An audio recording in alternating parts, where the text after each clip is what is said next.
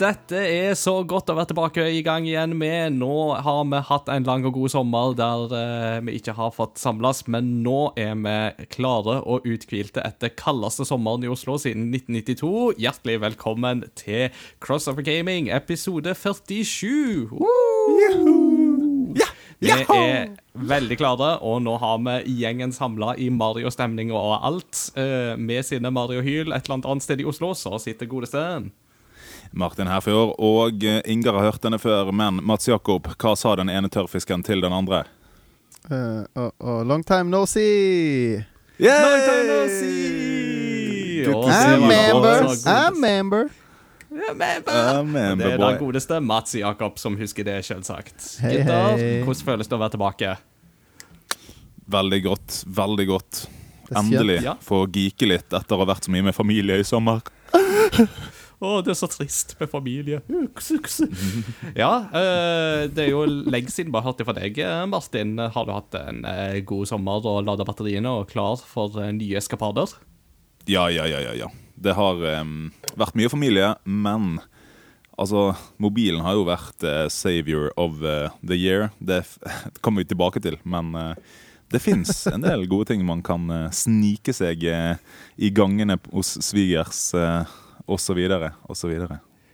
Så lenge svigers bor det plass der det er noenlunde grei connection, vil jeg tro. Ja, ja, ja, ja, ja.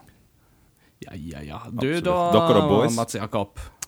Nei, eh, hva skal jeg si? Det er jo eh, Vi eh, har hatt en eh, lang, eh, helt vanlig ferie og masse avspasering, som det så Mhm. fint eh, er. Og det har vært fantastisk deilig. Vi har leid ut huset, og vi har vært i Danmark, og vi har vært på eh, kjære Sogn og Fjordane i, på hytta, og vi har vært litt i Oslo. Og hatt, eh, Ja. gjort masse forskjellig. Nice. Og du og meg har jo allerede hatt en episode i sommer da vi hadde spin-off-episoden Retrospellauget. Der vi hadde med godeste Anders fra spill.no, som eh, var med og snakket om eh, Legend of Zelda Skyward Sword. Det var kjekt. Det var veldig hyggelig. Mm. Jeg kan forresten bekrefte. eh, det er en positiv nyhet at testen min var negativ. eh, men jeg er et positivt menneske som har fått et negativt resultat som egentlig er positivt. Eh, Ja, det var omtrent like klart som eh, når diktator Aladdin i The Dictator bytte ut ordene for positiv og negativ med Aladdin. Yes, yes, yes. Der har vi I'm, en I'm bra afraid to tell you, you are I, I, I have to tell you the good news and the bad news. You are HIV Aladdin. Aladdin. Så jeg har fått ting i uh, gane og nese. Um, Ja. Litt sånn bronse-achievement, egentlig. Ja. Som er unlocka. Nei. Ja, men det er godt å høre at du holder deg frisk og god, og ikke minst at du tester deg. Det er veldig viktig i Ja. disse dager. Og eh, siden vi nå er inne på deg, Martin, så kan vi jo like gjerne ta det først og sist med at eh, nå har du jo vært vikar et halvt år for eh, Christian, og Christian syns at eh, det funka så bra at eh, du må gjerne fortsette litt til. Og da tenkte vi at eh, vet du hva, da er det på tide Altså, lærere som jobber vikar, det er ingenting de vil ha mer enn fast jobb. Så med en glede å introdusere at Martin har fått oppgradert status fra vikar til full ansettelse i Eldsterådet i Crossover Gaming. The takeover has begun. insert uh, Insert um, hva, hva, hva heter det, da? Um, åh, dette burde jo jeg vite, men hva heter det når vi innsetter prester? Uh, Bisettelse. Vigsel. Vigsle. Å, nå prøvde jeg å være morsom. Mm. Ordinering. Liksom. Jeg, Ja, eh, my ordiner- evil plan ordinasjon, ordinasjon var det jo selvsagt det var på jakt etter, ikke vigsel. Det- Ikke bisettelse, men var det ikke? Takk. Så eh, My evil yes. plan restored. Padawan uh, overcame uh, Master Christian. Jeg tok en liten Master Windu Anakin-version på Christian. Så um, og, og, og i den lignelsen, hvem av oss er det som er Palpatine? Me, me, pick me, pick me. det blir det blir jo fort deg, da. MJ er vel Yoda, er ikke du det? Jo, vi har samme sveis iallfall. Men da, du- men da du skal svare Ingar I am the Senate. I am the Unlimited power. Nei da. Så folkens, Martin går ingen steder. Tvert imot, han er en fast, uh, trofaste del av oss nå. One of us, one One of us. us. Og Christian er ikke vekke, for all del. Han eh, kommer til å svippe innom rett som det er, men eh, er fortsatt i uh, full modus med ny jobb og litt musikkprosjekter. Og vil derfor ha et litt, uh, litt løsere forhold. Derfor er jo han Obi-Wan som kommer i litt sånn der eh, ghost-mode uh, i ny og ne. Hello Use the force, Luke. You will go to the Dagobah system. There you will learn from Yoda. so yeah. Og bare Ser at alle har hatt et sånt Odyssey, the assassin Odyssey. Alle alle har hatt sånn tørke på quotes. Bare, bare, bare, alle er myndigere. Ja, ja, ja. Nei, sjøl så har jeg òg hatt eh, litt ferie. To ukers eh, tid og tilbrakte et par dager i Bergen med slekt. Da var det bergensvær fra vi kom til vi dro, og det var jo passende nok, fordi at det var jo sol både før og etter, men mens vi var der, så var det regn hele tida. Men det gjør ingenting, for da fikk jeg jo både spilt Pokémon Go med nevøene og nieser, og vi fikk spilt masse Super Smash Bros. Det var kjempegøy. Og jeg trengte ikke å pull my punches, for sjøl hun på åtte år, hun har det, har det inne, altså. Så e-sportkarrieren der er allerede på vei til å gå noen veier, og det er veldig gøy. Uh, og ikke minst så er nei, hun på 13 er veldig glad i Har oppdaga Star Wars, så da ble det Star Wars-kveld. Det var dessverre episode one, men uh, et er fortsatt uh, gøy med kidsa, så det går fint. Fikk du liksom Nice. friska opp litt de her eh, episode one-quotesene dine? Hørte du Det kom, det kom jo eh, det kom jo noen fraser i stad. Eller en eh, lengre, en, en lengre monolog. What do you think I'm me? You're a kind of Jedi waving your hand like that. I'm a Toytarian. My the don't work on me. Only money. No money, no parts, no deal. And no one else has a T14 hyperdrive. I promise you that. Oi, oi. Quote-maskin, Ingar. Yes. Eh, men det er ikke Star Wars-podkasten vi holder på med nå. Det er spin-offen vi en eller annen gang må begynne med. Uh, the Tydeligvis. Podcast Far Far Away. Nei da, vi er her for å snakke gaming sånn som uh, Sånn som vi alltid er her for, og det har jo skjedd ting. Og vi kommer til en temadel i del to, så det blir veldig stas. Jeg har en siste ting på denne her delen, og det er at jeg har Jeg snakker om et bronse-achievement, men jeg har faktisk eh, hatt, fått et platinum-achievement in real life. Oi! Eh, så nå kan dere gjette hva det er for noe. Du har uh, kjøpt en aksje i Norwegian. Mm, jeg vil uh, si hint. Precious. Precious. Har noen Du har uh, kjøpt deg en ring. Ja Og en uh, i sitt uh, I sitt uh, Jeg kjøpte ring til jeg kjøpte, Ja, jeg kjøpte ring til Elisabeth, og hun tok imot den. faktisk. Hey! I wanna be made of honor. Ja, ja, ja, ja, ja. Jeg, være made Så. of honor. Jeg kan kjøpe kjole.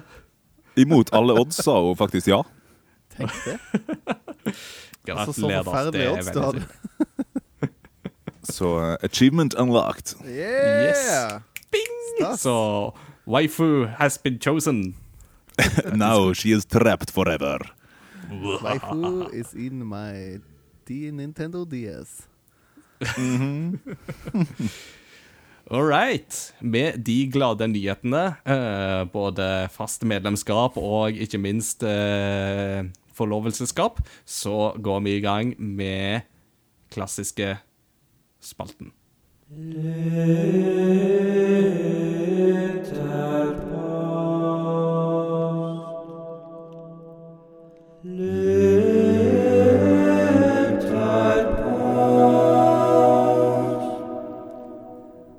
folkens, nå er vi brennende klare etter å høre fra dere. Før sommeren så fikk vi en liten rapport på hva dere ville spille i løpet av sommerstid. Vi håper at dere har fått tid til det.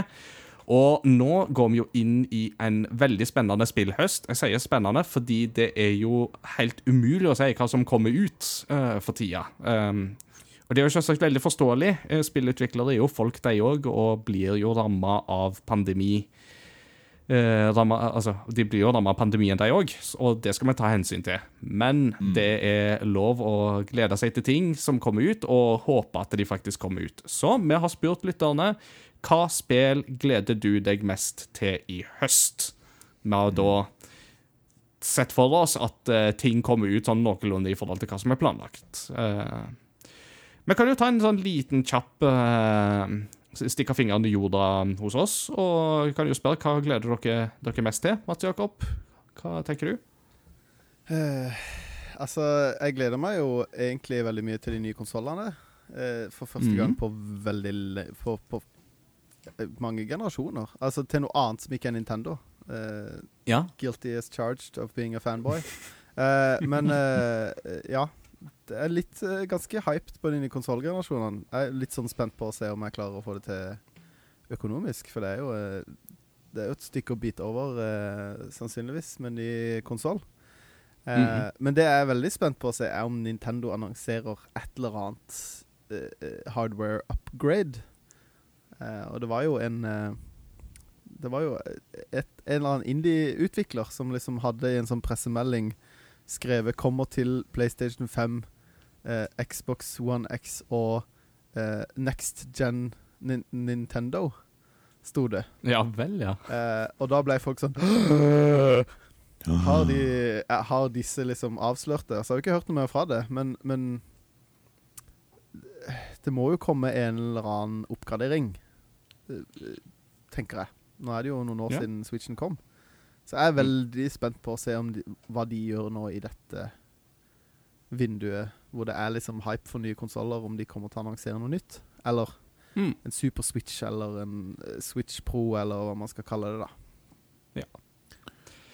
Det ryktes jo litt om en eh, Om kanskje en Nintendo Direct i nærmeste framtid òg, så da kan vi jo kanskje håpe på litt nyheter angående høsten òg, til Switch. Eh, for det har vært litt stille nå en stund, så Men eh, vi forventer å se.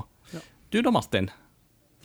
Jo, selvfølgelig de nye konsollene. eh, men siden de ikke har fått aktuell lanseringsdato ennå, så først og fremst må jeg si Final Fantasy Crystal Chronicles Remaster, tror jeg det har blitt kalt. Mm. Det skal jeg spille i hele. Elsker originalen. Det var på mange måter mitt første RPG på GameCube. Og eh, fantastisk eh, musikk av eh, Kumi Tanioka. Mm. Så um, det gleder jeg meg veldig, veldig til. Og en liten, uh, en liten teaser til postludium der, altså. Du da? Nice. Ja, nei, eh, jeg er nok eh, såpass mainstream at jeg må jo si at Cyberpunk 2077 er jo helt klart et, eh, et høydepunkt som jeg ser fram til. Men jeg er også spent på Final Fantasy Crystal Chronicles, for jeg har jo faktisk ikke spilt det. Det er et av de få Final Fantasy-spill jeg ikke har spilt. Nani? Sånn, tenk det. Så jeg gleder meg absolutt til det. Um, ellers så må jeg jo som Star Wars-fanboy si at jeg gleder meg jo til Star Wars Squadrons og se hva det blir til. Det jeg tror jeg kan Ja, bli veldig veldig gøy når det kommer. Mm. Uh, og så uh, er det jo alltid lov å bli overraska underveis og se hva annet som kommer, og, og sånt. Men uh, ja, særlig um, Særlig Star Wars og um, Cyberpunk er nok liksom de to største. Uh, det vil jeg si. Med det så skal vi høre fra våre lyttere, og fra de som kanskje hører på for første gang. Eh, Lytterpost er spalten der eh, lytterne svarer på spørsmål vi stiller, eh, og det kan de svare på enten i vår Discord-gruppe eller på vår Facebook-side der vi poster spørsmålet. Hvis du vil ha lenke til enten Facebook, Discord, Instagram eller YouTube-kanalen vår, så kan du gå til crossovergaming.no. Og på mm, på Discord så har jo da eh, godeste Zelialith svart at jeg gleder meg mest til Cyberpunk 2077, men også Assassin's Creed Valhalla. Har forhåndsbestilt begge. Sistnevnte er jeg fullt klar over Ubisoft sine tendenser med spill. Jeg vet det ikke blir så annerledes fra de andre, men det er norrønt tema, og da er jeg med. Cyberpunk 2077 er jo hypet opp i atmosfæren, men jeg har spesielle grunner til å være det. Jeg har stor respekt for studioet, og attpåtil er jeg halvt polsk. Å velge mellom polske og engelske stemmer har, har aldri gjort så vondt. Curse you, Keanu Reeves! Men jeg gløder av muligheten til å se hva CD Project Red kan gjøre med character creation. Kom igjen, Marcin Iwinski, gi meg gåsehud igjen. PS. Lykke til til den som leser navnet. Og da regner jeg med at det er det Iwinski-navnet hun sikter til. Det hørtes riktig ut for mine ører, men jeg er ikke polsk. Jeg er verken halvt polsk eller kvart polsk, men eh, til gjengjeld så kan jeg slakte alle nordmenns uttalelse av japanske navn, så Nei da, det var slemt. All right. You know Hvem vil uh, nestemann ut?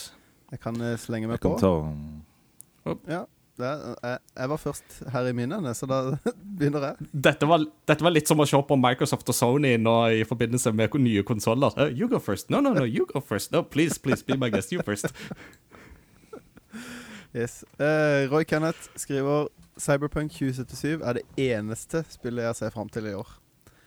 Og jeg tror ikke han Oi. er alene om det. Det er mange som eh, Så mye som det har blitt flytta, så tror jeg det er ganske mange som er litt sånn ah, Kom an, nå, nå har vi lyst til å spille det. Mm, Ikke sant? det er nok flere som er på den. Jeg kan fortsette med Eirik, som har en sterk introduksjon. Ikke så mye jeg, jeg gleder meg veldig til. Veldig bra, Eirik. Men han fortsetter. Tony Hawk? Remastered er veldig gøy, men i motsetning til dere gamle har jeg mest minner fra tre og fire, de tvilsomt beste Tony Hawk-spillene. Jeg er med på fireren der, altså. Så én og to er ikke så interessant. Ellers ser eh, Assassin's Creed Valhalla og Cyberpunk 2077 veldig gøy ut, men jeg tør ikke helt å håpe på at de faktisk kommer. Altså i løpet av høsten, sikkert. da Flight Simulator virker også gøy, men det virker som det blir dyrt dersom du skal gå all in. Snakker vi nå om Mm. Eirik eh, Hauge? Ja, da snakker vi om eh, tidligere Dragon Quest-gjest eh, og Discord-moderator Eirik Hauge, ja. Så, Shout-out. og, og hvis du skal ha all in på Flight Simulator, så regner jeg jo med han snakker om spake og liksom bygge deg, holdt jeg på å si, flysimulator. Mm. Har han foreldre som heter Berit og Bjørnsteiner? Vi skal ikke ta, kastlegge hele familiehistorikken til våre gjester her, men ja. Ja, for det, da er jo det venn av eh, mamma og pappa. Så uh, det, vi, Shout-out ta til onkel og tante. yeah, vi får ta opp den tråden, eh, Eirik, uh, seinere. Ja, absolutt. Så der ble det avslørt. Ja da. Du, folkens. eh, til siste episode så var det jo Mats Jakob var jo så fortvila da vi var ferdige med innspillinga av episoden. For etter innspillinga så fikk vi jo et nytt, langt, grundig og dokumentert svar fra godeste veteran Christer van der Meren. Og Mats Jakob var så fortvila, fordi Ja, vi fikk jo ikke lest opp det svaret. Men ah, frykt ikke, Mats Jakob. Nå skal vi ta et uh, Christer-svar her. Eh, og Len Christer skriver Yes. Jeg gjetter, spørsmålet handler om spill som lanseres i høst, men jeg lar tvetydigheten komme meg til gode og henter fram, ja, nettopp, spillene jeg gleder meg til å spille i høst-vinter, avhengig av publiseringstidspunkt. Jeg har nemlig nettopp bygget ny PC med RTX 1080 Ti og Core i5 ti- eh, 10600K under panseret, og gamer på stuens hjemmekino frontet av LG C9, en lekker 120 Hz HDR OLED-TV med støtte for G-Sync. Jeg har vært der. It's awesome. Så ikke overraskende blir det grafikk for alle penger. I sommer spilte jeg f.eks. gjennom Jedi Fallen Order, et spill som i sannhet kunne sies å være en voldelig jazzballett, så lenge du vet hvilke knapper du skal trykke på. Yeah! Og Jediet, livskiten ut av imperiet, har aldri følt det så godt. Unnskyld mm, ja, Bannskapen, skriver han, men eh, det vil jeg nå ikke si at det var. Og du verden så lekker det ser ut i HDR. Nå holder jeg på med Gjett hva? Assassin's Creed Odyssey! Det er ikke vondt å se på det heller, for å si det slik. Skjermkortet får også kjørt seg for tiden med raytracing på maks i control. Åh, nice. For tur helt umiddelbart står Doom Eternal, og senere i høstvinter gleder jeg meg til å velge mellom titler som Horizon Zero Dawn, Halo, The Master Chief Collection, Black Mesa, fan-remaken av Half-Life 1 som Valve omfavnet, og som nå selges på Steam, Outer Worlds, Ori and the Will of the Wisps og Titanfall 2. Det er slett ikke umulig at Cyberpunk 2077 blir anskaffet på et tidspunkt også, men jeg har sjelden hast med å kjøpe nye spill og venter gjerne litt til pris faller og stabilitet og ytelse øker. Og for at Switchen ikke skal føle seg forsømt, er det fare for at jeg ryker på en liten Paper Mario and The Origami King også. Har i, har i tillegg ti andre spill på kanskje delen av backloggen, så det er nok å ta seg til både i høst, vinter, vår og sommer. Glad jeg bor i Bergen. La regnet komme, så går det som en dans. Hei. Å, det er en glede å høre Christers sine svar, altså. Det going strong. Han, eh, jeg var på besøk i sommer da han kunne fortelle at jeg gjorde det. Han har hørt alle episodene, bortsett fra spoilercasten vår om The Last of Us Part 2. Den eh, må han vente med til eh, han får spilt The Last of Us, og det spørs jo om det noen gang kommer på PC. Så ja. Men uh, trofaste fans, det er kjekt å ha. Ja, det er gøy. Deilig. Yes, da kommer vi til podkastens beste del. Det er tid for Åsmundshjørne. Åsmunds hjørne. Åh, Bitbreak. Jinglemakeren slår til igjen. Åsmund skriver Cyberpunk 2077 og Wasteland 3. Kort og godt fra Åsmund i år. Men uh, Wasteland er en serie ikke jeg kjenner så mye til. Er det noen av dere som har spilt én og to? Eller én eller to? Nei. dessverre. dessverre. Men jeg kjenner til serien. Eh, så det er jo en strategi-western-serie, tror jeg, eller noe sånt. Ah, Hvis kult. jeg ikke skyter helt feil fra hofta her nå. Oh, bra, bra bildebruk. Jo, takk. Uh, it's eh, 11.59. Ja, da er det Peter Ljøkjell, og har jeg skjønt rett at det er han som er trønderen? Ja, det er trønderen, ja. Åh, Så da får jeg prøve meg eh, f- Unnskyld eh, alle, alle trøndere der ute, men eh, da For meg blir det Cyberpunk 2077 og Assassin's Creed Valhalla som blir de største høydepunktene. Og så gleder jeg meg vilt til å få spilt Last of Us Part 2 i da høsten, sjø! Oi, oi, oi. Her er det method acting. Ja, Veldig spennende. Eh, Da blir det veldig gøy å høre Peters eh, reaksjon på, på dialekt. Så. det spørs om det blir en ny rangering av, eh, av Eldsterådets uh, uh, trønderdialekt. Det blir det nok. Jeg har en plan om å få Peter med på en eh, spin-off-episode, så da skal vi få en dom. det skal ikke stå på effort. Det, det skal det ikke. Nei, du endra jo til og med kroppsspråk når du prata. Jeg syns det var helt rått. Det beste, det beste er liksom eh, eh, hva skal, commitmenten til nå av noen av oss. Det skal du ha. The effort is real. Ja. Trøndersk er ikke en dialekt, it's a lifestyle. Yes, yes. Farfar var fra Trondheim, så Ah, jeg vet litt hva det går i. Feigelag! Feigelag! Åh, vakkert. Og folkens, det var det vi rakk å lese opp fra lytterne våre. Det er mange andre gode svar. Sjekk de gjerne ut på både Facebook og Discord. Og vi setter pris på absolutt alle svarene som kommer inn. Dere er supre, og vi syns det er så gøy å høre fra dere, so keep it going. Mm, we love you. Mhm.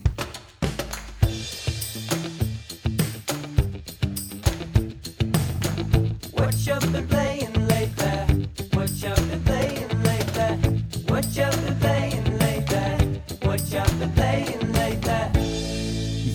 Yeah, all right. What we've been playing lately, sa jinglen. Og speaking of jingler, så må jeg bare slenge inn at jeg liker de nye jinglene som Martin har kokt sammen for uh, nerdelandslaget. Eh, Ja, så det var kjekt. for det. Ja, det, det skal du ha kred for. Det er kjempegøy å høre, høre det. Så som jeg sa før vi begynte å ta opp eh, Jeg har jo ikke sett deg siden, eh, på, på, siden før sommeren, men jeg har jo hørt deg eh, i den podkasten, så det er jo kjekt. Det var kjekt. Det var sånn to dagers frist på seks jingler, men det gikk, det.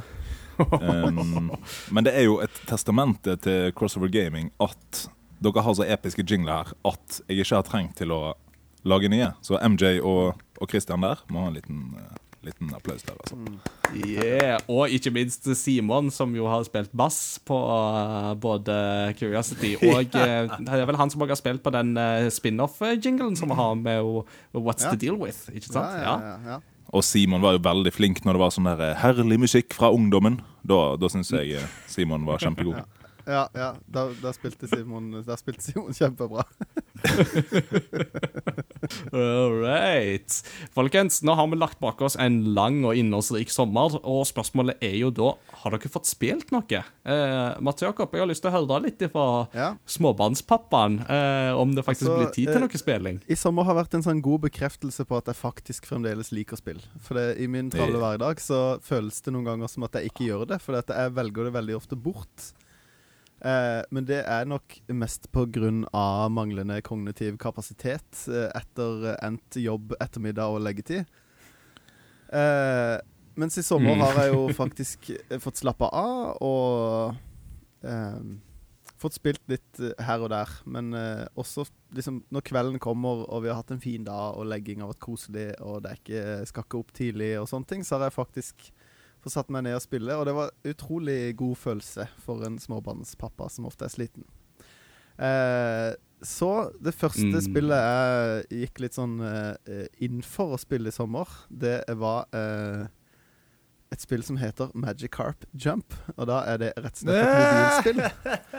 Eh, jeg, har gått, jeg har gått hardt inn i Magicarp Jump. Uh, level 20 currently, snart 21. Uh, for de som ikke vet hva Magicarp Jump er, så er det et mobilspill som handler om at du trener Magicarps til å hoppe. Og så kjemper du mot andre trenere som trener Magicarps til å hoppe. Og så vinner du kamper ved å hoppe høyere. Og du får ikke experience points, men du får jump fantastisk. points. Jump points. Ja, uh, dere har sikkert masse spørsmål? Ja. You in the back? Ja, mitt hovedspørsmål er Er dette noenlunde likt minispillet som du fant i det første Pokémon Stadium? Det husker jeg For ikke. da måtte du jo time landingen riktig. Nei. Mm, men det var jo et sånt Magic Carp Nei, jump på ingen som var måte. sånn Dette er eh, Hvis det kan kalles et RPG, så, uh, så er det det nærmest det. Men det handler rett og slett om uh, at eh, du har en Magikarp. Uh, eller du er da den unge lovende som skal restaurere byens stolthet uh, innenfor Magikarp jumping. Eh, og eh, du får da eh, tildelt en ikke old rod, men en oh so old rod av eh, den byens eh, eldste. eh, hvor du da fisker Magikarp. Eh, og så eh, er det jo litt sånn Altså eh, Det er jo litt sånn Vi kan ikke kalle det for pay to win, men uh, du kan komme deg ganske langt fram i spillet, som veldig mange mobilspill, ved å bruke litt penger. Um, men du fisker da en Mm. Magikarp, og så får du vite da om den har noen bonuser, for eksempel da. Og en bonus kan være at den får uh, Mm. uh, mer experience av random events, som kan skje på vei hjem fra trening, for eksempel. For du skal jo selvfølgelig trene Magikarpen din, og da med forskjellige ting, som å hoppe inn i et tre for å prøve å knuse det, eller eh, hoppe opp og ned mange ganger i en sånn der eh, personteller, sånn der som folk som står og teller mennesker bruker. Eh, eller å dytte Ja, ja, tunge Pokémon, videre. Eh, jeg lasta rett og slett det her ned fordi jeg var litt på utkikk etter et Pokémon-relatert spill til guttene mine, og bare gi de sånn, Hvis jeg trengte en pause, at jeg kunne gi de et spill. Og da fant jeg et sånn derre Pokémon Playhouse med liksom Pokémon-puslespill og eh, eh, gå på Pokémon-gjemseljakt og finne de i mørket og lys med lommelykt og sånn. Og da så jeg dette spillet, og så tenkte jeg det, jeg, jeg hadde litt sånn hankering for uh, et pay to win-spill uten å betale. Bare liksom For greia er at du må liksom spille hver dag. Eller eh, gjerne liksom hvis du vil bli god, så må du jo spille Vite når eh, andre Pokémon kommer på besøk som gir deg experience, da. Eh, så det er altså Det som er deilig med det, er at du kan spille det liksom i fem minutter, og så kan du legge det fra deg. Så det er gøy å ha noe sånn en sånn liten ting og Mm. Når man sitter og venter på at ungene skal sove, eller sitter på do, eller sitter bare i bilen, eller sånne ting. Så det har jeg faktisk brukt overraskende mye tid på. Mm. Eh, så det er gjerne og det er bare å komme Ja. og utfordre meg i Magic Carp Jump. Eh, et annet Challenge Eh, accepted.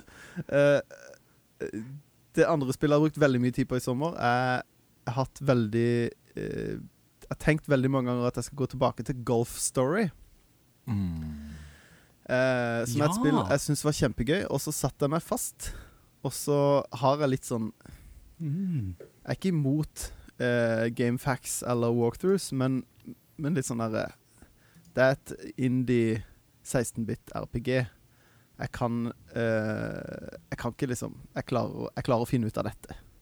Og så klarte jeg liksom ikke å finne ut av det. Og så eh, var vi i Danmark, og så tenkte jeg ok, jeg har veldig lyst til å plukke opp det spillet her igjen. Jeg har lyst til å bli ferdig med det. Og så gikk jeg inn, og så googla jeg der jeg var. Og da fant jeg én eh, eh, et innlegg på Reddit av en fyr som hadde hatt akkurat samme problem som meg, Yes. hvor han skrev Jeg er ikke en sånn fyr som bruker gamefacts eller walkthroughs. Eh, men dette her eh, frustrerte meg, for når jeg først ville gå til en gamefact eller walkthrough, så fant jeg ikke ut av hva det var jeg gjorde feil.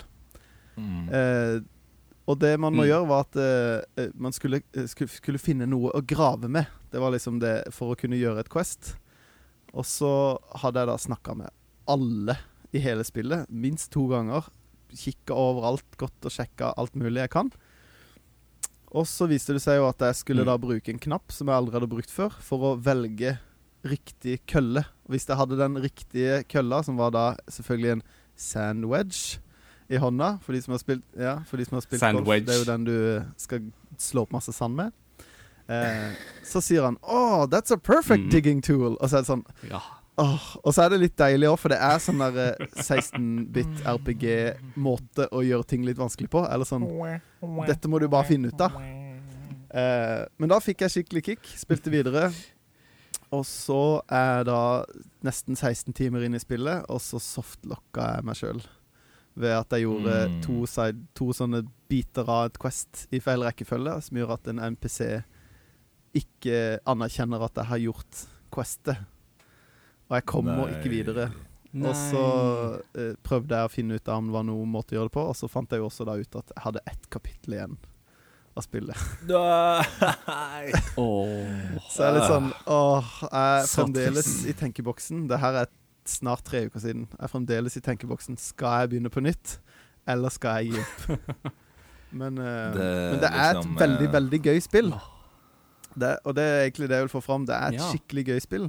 Det er s Mm. Altså, hvis du har spilt golf, eller liker golf, eller spiller golf, så kommer du til å like det. Veldig mye bra golfhumor. Eh, hvor liksom eh, Mm. folk sammenligner liksom eh, du blir, Det er et scenario hvor, hvor du blir spurt om liksom sånn eh, Ja, dette er jo en dødssynd. Ja, er det så ille som å uh, Walking somebody's putting lie, som er da det sånn Det skal man ikke Man skal ikke tråkke den man skal putte bare No, no, no, not as horrific as walking, walking in somebody's putting lie. Blir, det er veldig mye sånn Det er veldig nerdete, akkurat det der. Well, ja, team me up up gøy. for Og så er this det game. masse frisbeegolfhumor game. òg, fordi det er jo en sånn greie med liksom Frisbeegolf det Golfere anerkjenner, anerkjenner ikke frisbeegolf. Og frisbeegolfere kaller jo golf for eh, ballgolf. Eh, Mm. og hvis du da sier oh, Mm. Do you have some frisbees I can borrow? Så blir de helt sånn «Ah, It's not called frisbees, it's called discs. Uh, Mm. Mm. så det er veldig, veldig gøy. uh, dere har spilt eh, en del, og så har jeg eh, spilt en del med eldstemannen min. Og da begynte vi med Paper Mario Color Ja. Splash på Wii U. Litt sånn fordi jeg hadde lyst til å lade opp Aha. til Origami King. Eh, og han, Mhm. altså, han falt helt pladask for det spillet. Han syntes det var så gøy, og det var skikkelig gøy å spille Så sånt spill som- Altså Paper Mario-spillene har jo gått fra å være RPG-er til å være mer sånn eh, Jeg vet ikke om jeg kan kalle det action. Ja, jeg vet ikke om jeg kan Litt kalle det ymse. actionspill engang. Altså et, et, en Mario-fortelling. ja. Eh, og eh, veldig Mm. gøy å spille det med noen som syns det er liksom som, Jeg skal ikke si at Det er jo ikke på de sitt nivå, for det er jo veldig mye eh, humor og vitser og litt sånn eh, eh, eh, Hva heter det for noe? Når man eh, Sitater Man refererer til liksom populærkultur og Ja. Ja, liksom metahumor Eh, og veldig sånn referanser. selvbevisst og sånn, humor, ja. og det skjønner jo ikke han. Men han syns jo at Mario-universet er veldig gøy, og at de er i papir, og han syns det er morsomt når du finner en Toad og liksom bretter han ut. Og så sier han Mm. Woo, I was in a crinkle! Uh, og litt sånne ting. Og så, er han liksom, og så sitter jeg og oversetter, da. Og sier sånn Å, jeg var krøllete. Og så sitter han ah, Mm. Han var jo krøllete! Uh, og det er Det gjør på en måte Vi møtes litt på midten da med han. Eh, Truly wonderful the mind of a child is. Uh, men ehm, Og så har vi da også begynt på Origami King, meg og Ludvig sammen. Og eh, det er også veldig gøy, men eh, der er eh, kampsystemet for komplisert for han. For der er Mm. kampsystemet at Mm. du er en sånn eh, sirkelarena, og så eh, må man line opp fiendene for å gjøre combos. Eh, og han skjønner ikke det her Mm. konseptet Eller han, skjønner, han får det ikke til. Han skjønner at han skal Mm. line de opp, men han skjønner ikke hvordan han skal få det til. Nei. Og det er litt sånn Man kan enten eh, snurre på Det er fire på en måte ringer i sirkelen, og så er det åtte felter, som i en pizza, på en måte. Mm. Eh, og man kan da eh, Mm. enten snurre på ringen, eller man kan hoppe i feltene, og da kan de hoppe over på andre sida. Og så har man et satt antall moves for å liksom få de i riktig posisjon. Eh, så hver gang han kommer i en kamp, så sier han 'du må ta det'. Så det er, litt sånn, det er litt gøy dynamikk at jeg tar kampene, og han tar eh, og går rundt og finner ting og eh, Så det, det er veldig Det er et veldig fint spill å spille med et eh, litt Altså ikke et stort barn, men ikke et minibarn heller. Så vil du da si at det kampsystemet basically bare det at du må slå på ringen, slå på ringen, er slå på hvem du vil? Slå på er god. din. Om du vil. Om du Eh, vil. så det har vi spilt litt. Er vi har ikke kommet sånn superlangt. Vi har kommet til liksom første område. For der er liksom litt av storyen at, eh, at eh, slottet til prinsesse Peach blir stjålet, og så flyter det opp i lufta og pakker inn i papir, og så henger liksom silkebåndene til papiret ned i bakken, og så skal du på en måte løsne opp silkebåndene for å få slottet ned, da. Så vi er kommet til første område for å løsne opp første silkebånd. Mhm. Eh, Ja. Så det, det er gøy å ha et spill som vi kan jobbe litt med, og som vi kan gå litt fram og tilbake med. Uh, og så har vi spilt Mm. Lego Ninjago The Movie The Game. Eller Leg Lego Ninjago Movie The Video Game. Jeg vet ikke hva man skal kalle det. Det er litt sånn som Street Fighter The Movie The Game. Eh, eh, som Mm. også er veldig gøy. Det er sånn eh, 3D actionspill. Han er helt sånn Altså, han er så frelst på Lego Ninjago som jeg var på Turtles, og det Jeg skjønner hvor irritert mine foreldre var eh, på det, for det er det eneste han snakker om. Eh, og blir litt sånn halvvoldelig av å se på det. Som jeg også ble. Veldig gøy å slåss. Eh, så det er jo veldig kult. Fullt voice acta, og også veldig mye litt sånn metahumor og Litt sånn som det er i de Lego-filmene. Det er litt sånn selv, mye tøys og mye med Mm. at det faktisk er Lego, og, det, og det er veldig kult. Ja. Det er veldig gøy. Er det norsk stemmeskuespiller, er eller? eh, dansk er det eneste Ah. skandinaviske. Dansk, det pleier å være finsk i sånne ting. Eh, men det er jo dansk. Mm. Eh, og det syns jeg er litt kult, og at Ja. Lego liksom kjører animasjonsseriene Filmene er jo ikke nødvendigvis det, men de, alt som kommer av Lego, har full dansk voice acting, og det syns jeg er tøft. Men betyr det at de, midt i en cutscene så bare begynner liksom en av ninjaene bare 'Come her, vi må, vi må gå Ja. sni, snigel. Og den andre står Vi forstår ikke er nige! Og så står de bare der og Spiller softlock og seg hvis du bruker dansk.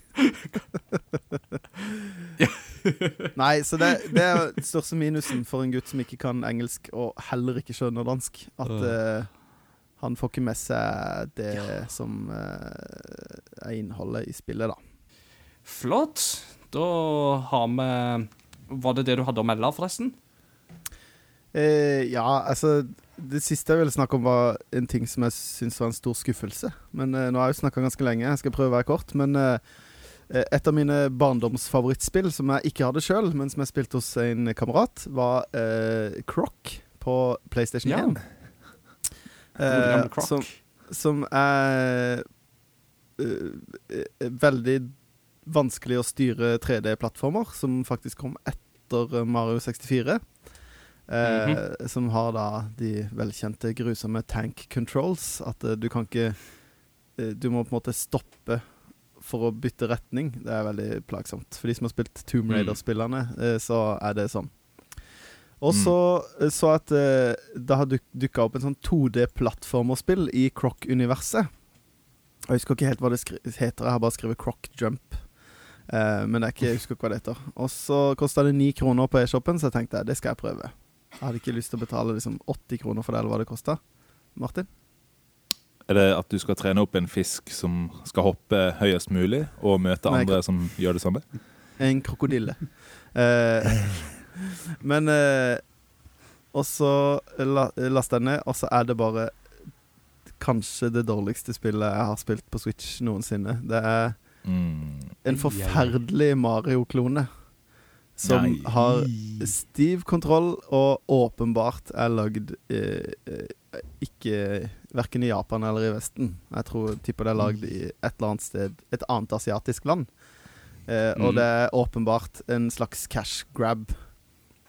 Eh, men minste, ikke minstemann, men eh, eldstemann syns det var gøy, så han spiller det litt. Men eh, han vet jo ikke hva som er en god plattform og ikke. Så han syns det er gøy med en krokodille som samler diamanter og hopper på snegler og krabber. Mm. Men eh, åpenbart vet, eh, eh, bare ja, en ja, god gammeldags cash grab. Mm. Mm. Der, um, der det andre podkaster kan ha liksom sånn seal of approval, så må vi jo da spørre seg har det Crossover Gamings velsignelse. Eh, Nei. Njet. No. No. Det er No forkastet you. ned til avgrunnen. Ja, Han er forkasta. Han er ekskommunikert. Ja. Ja. i aller høyeste grad. Ekskommunikado.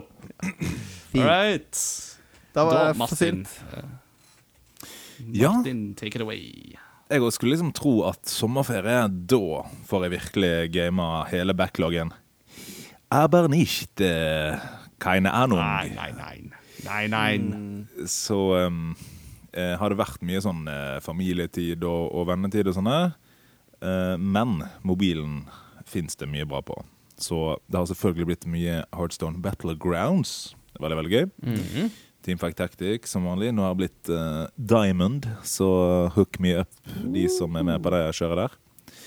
Uh, men jeg kom jo til slutt hje- hjem til PC-en og fikk spilt uh, Fantasy Star Online eh, Private Servers, Ah. som er veldig, veldig gøy. Der har de jo samla det som var til GameCube og Xbox. Eh, så har de det De har liksom restaurert de online-serverne og slått de sammen. Så det er sånn Oi. veldig kult community. Um, Tøft. Ja. det var bare sånn de jeg møtte. Jeg Bare sånn, «Hei, 'Trenger du noe hjelp på veien?' Jeg er level 200, eh, sa de da, mens jeg var sånn level 20. Sant? Så um, det gikk jo på et blunk. Eh, Wow. Så det er ja. Nostalgia Blast, som er veldig gøy. Kult. Og så har jeg spilt Super Mario Party til Switch eh, på hytter. Og eh, der har jeg eh, Ja, altså, det er jo veldig gøy. Eh, men jeg, altså, jeg har verdens mest kompetitive fetter. Som er òg verdens dårligste vinner og taper. Ja, du snakket jo om det da Yes. sist gang, da du snakket om uh, hytteminner og GameCube Ja, og ja, sånt. ja, ja, ja. Så det var litt sånn der Endelig hadde jeg klart å få flere stjerner enn han, og eh, til og med flere coins. Men så på slutten så kommer det sånn der Den som har vært på flest røde punkter, får en stjerne. Og den som har eh, fått flest eh, Hva var det da? Flest sånne her, companions. Så han fikk liksom to bonusstjerner, og jeg fikk ingen. Og så vant han og bare gnidde det inn resten av hytteturen. Jeg var sånn, «Eh, Nandero, dostero». så, så det han bare kom og sa, den her partyguruen på slutten der, det var egentlig bare han pekte på deg og sa Shindiru. Ja, det var Altså De har litt å gå på eh, til neste Mario Party. Det syns jeg.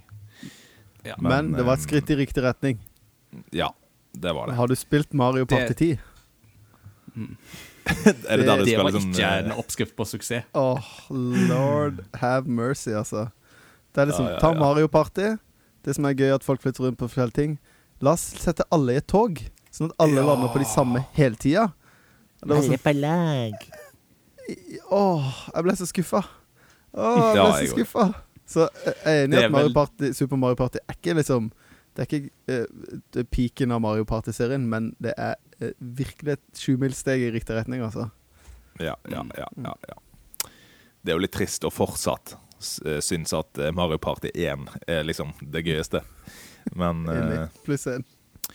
Så eh, fikk jeg også spilt en del Last of Us 2.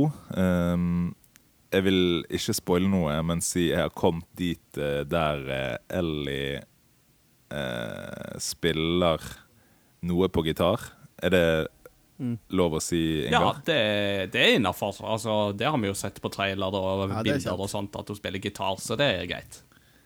Så hun spiller noe mm. som er laget i vårt land. Der har jeg kommet. Mm. Det er så gøy, det. Åh, det, er så bra øyeblikk. Åh, Ja, ja, ja, ja, ja. Så du har mye godt i vente ennå, da.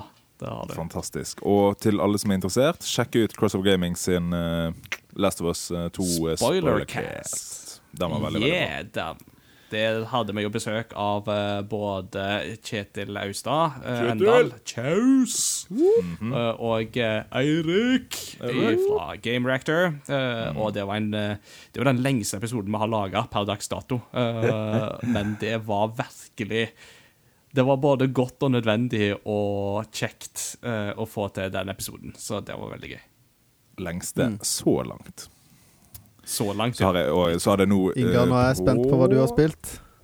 Fredag Ja, så kom det ut Heartstone Expansion. Eh, så den har jeg spilt. De har revolusjonert eh, mye av gameplay der, så eh, Straks Ja. Legend. Da blir det jo spennende. Det var Men det, Ingar- den der school, school something something. Ja, ja, ja. ja. Uh, Scholarmans Academy. Skolomans Academy, ja. Sånn var det. Litt sånn Alright. eh, Galtvort-aktig eh, preg. Ja. Men ja, du Ingar. All right. Uh, min liste uh, Altså, Da jeg skulle sette meg ned med kjøreplanen, så tenkte jeg jo at eh, Har jeg egentlig fått spilt noe i sommer? Og etter at jeg hadde notert alle spillene jeg hadde spilt i sommer, så var det sånn OK, greit, jeg har fått spilt litt i sommer. Uh, så den lista går det veldig kjapt igjennom noen av punktene. Jeg, har, eh, jeg kan begynne på, på liksom nederste på skalaen. Jeg har eh, nylig spilt et uh, tredimensjonalt plattformspill som heter Scully. Uh, ute på de fleste plattformer. Ikke sånn veldig veldig grei. Bra, egentlig. Du spiller en hodeskalle som får nytt liv, uh, og skal hjelpe en gud med å løse en søskenkrangel med sine tre andre guder, gudesøsken. Mm. Og da ruller du og ruller du og ruller du og hopper og litt sånt. Det føles som sånn plattformspill fra GameCube, Xbox, PlayStation 2-tida, men ikke som et av de bra plattformspillene fra den tida. Så, så det beste jeg kan si om det spillet, er at det er meh. Meh. Uh, deretter har vi med Deadly Premonition 2, A Blessing in Disguise. Det er jo et spill som har fått uh, veldig mange varierte tilbakemeldinger. Uh, jeg er nok ikke blant de som er mest kritiske til det spillet, og noen er jo sånn Å, dette er så mye dårligere enn Deadly Premonition 1. Men da tenker jeg, da er det veldig lenge siden du har spilt Deadly Premonition 1. Så for en som kom veldig fersk ifra 1 til 2-en, så føltes det som at de hadde ivaretatt en del gøye ting, og sånt, og det var noen forbedringer. Men teknisk sett kjører de jo helt forferdelig dårlig til tider. Eh, men det er likevel litt sjarmerende å ha en story som går noen veier. og litt sånn, Men ikke sånn Jeg hadde forventa noe bedre. Jeg hadde det. eh, Og, ja.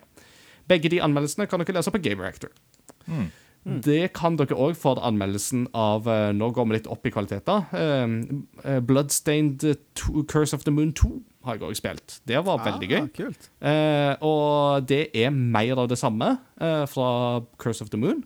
Men likte du Curse of the Moon, så vil du like Curse of the Moon 2. Så enkelt og greit kan det sies. Det er 8-bit-plattformmoro eh, i stil av gamle Castlevania-spill, sånn fra før Symphony of the Night-tida. Veldig kjekt. Mm. Jeg tror du, Mats Jakob, kommer til å like det veldig godt. Så bra. Og så begynner vi jo da å gå gradvis oppover her. Eh, jeg har plukka litt opp igjen Phoenix Wright Ace Attorney Trilogy på Switch. Eh, det spilte jeg jo eh, første del av i Japan i fjor. Eh, og da følte jeg det passet veldig godt å plukke opp del to denne sommeren. Og det spilte jeg litt mens jeg hadde to nieser som hang over skuldrene og så på at jeg skulle spille det advokatspillet. Eh, som jeg kalte det. Så jeg er imponert over at de syns det var festlig å se på når det er bare masse dialog, men eh, det Ja, det skal ikke undervurdere kids, altså. Eh, Der fikk jeg også spilt Super Smash Bros. Ultimate med, som nevnt, og Mario Kart 8. Det var kjekt. Og så har jeg eh, spilt på The Last of Us Part 2. Det har jeg snakka masse om i Spoilercast, men for et spill det er. Det er helt, helt særegen opplevelse. Og for å ta oppsummeringa som jeg tok i den episoden òg eh, Jeg har aldri grått så mye av et spill eh, som under den rulleteksten. Eh, Da da fikk jeg et sånn katartisk øyeblikk på slutten i rulleteksten da de kom inn med litt musikk og sånt, så var det bare Da, da rant tårene ganske ukontrollert. Eh, og jeg er ikke flau for å innrømme det, altså. Det var Og det skjer aldri. Det, det skjer liksom aldri. Eh, Steinsgate er det spillet som har kommet nærmest med å gi meg en, faktisk en tåre som renner ned, men det var med én tåre, liksom. Da følte jeg meg liksom mandig nok til bare ikke forskrine, men òg liksom bare tør- tørre å vise følelser. The Last of Us 2 gir deg veldig mye følelser. I can relate. Yeah. Eh, en eh, annen eh, ting som eh, men, men av og til så var det litt vanskelig å spille The Last of Us Part 2, fordi uh, det er så gøy å spille Persona 5 Royal på PlayStation 4 òg. Og det kommer fra en som elsker Persona 5, og bare liksom syns jo det er ti av ti spill allerede. Men Persona 5 Royal er bare så fantastisk bra og så gøy. De gjør så mye bra med det spillet.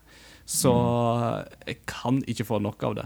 Og det problemet varer jo da over i Ghost of Tsushima, som jeg nå holder på med, eh, og er nesten ferdig med. Men det er jo ikke sånn Ghost of Tsushima er gøy, men jeg har litt lyst til å spille Persona 5 òg. Og så er det litt sånn intern strid med meg sjøl. Ghost of Tsushima er veldig, veldig gøy. Det er mm, Det føles veldig som et litt sånn Assassin's Creed-ish spill med åpen verden og sånt, men med en veldig kul setting, eh, stilige rollefigurer. Historien er litt så som så. Den er ikke dårlig under noen omstendighet, men den er ikke Etter å ha spilt uh, The Last of Us Part 2, så er ikke det liksom et nytt høydepunkt igjen. Det er det ikke. Eh, spiller du det på Akira Toriyama-mode? Akira Toriyama-mode spiller det ikke på, for da Nei, vil jo alt du som? Dragon Quest. Ah. Men Kurosawa-mode Yeah. Kurosawa, Jeg har spilt ja. hele spillet i Kurosawa-mode fra start. Ah. Og det er helt fantastisk. Den Kurosawa-moden er så utrolig digg for de av oss som har et forhold til den type samuraifilmer og sånt. Så jeg jobber med en artikkel som jeg håper på å få til på Game Rector. Det går litt treigt pga. semesterstart og sånt. Uh, og fordi jeg har skrevet et par andre tekster, men jeg håper å få den klar innen denne episoden er ute. Uh, arbeidstittel 'Ghost of Tsushima og arven etter Kurosawa'.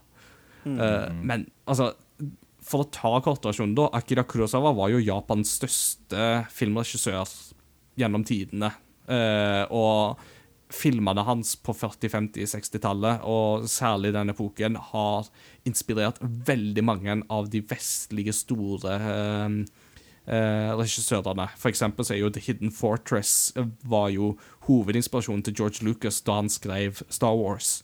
Og ehm, eh, filmen Yojimbo ble jo gjort om til en westernfilm som heter A Fistful of Dollars. Og den gikk jo videre til å bli The Good, The Bad and The Ugly og hele den trilogien der. Den trilogien hadde ikke eksistert hvis det ikke var for Yojimbo. mm.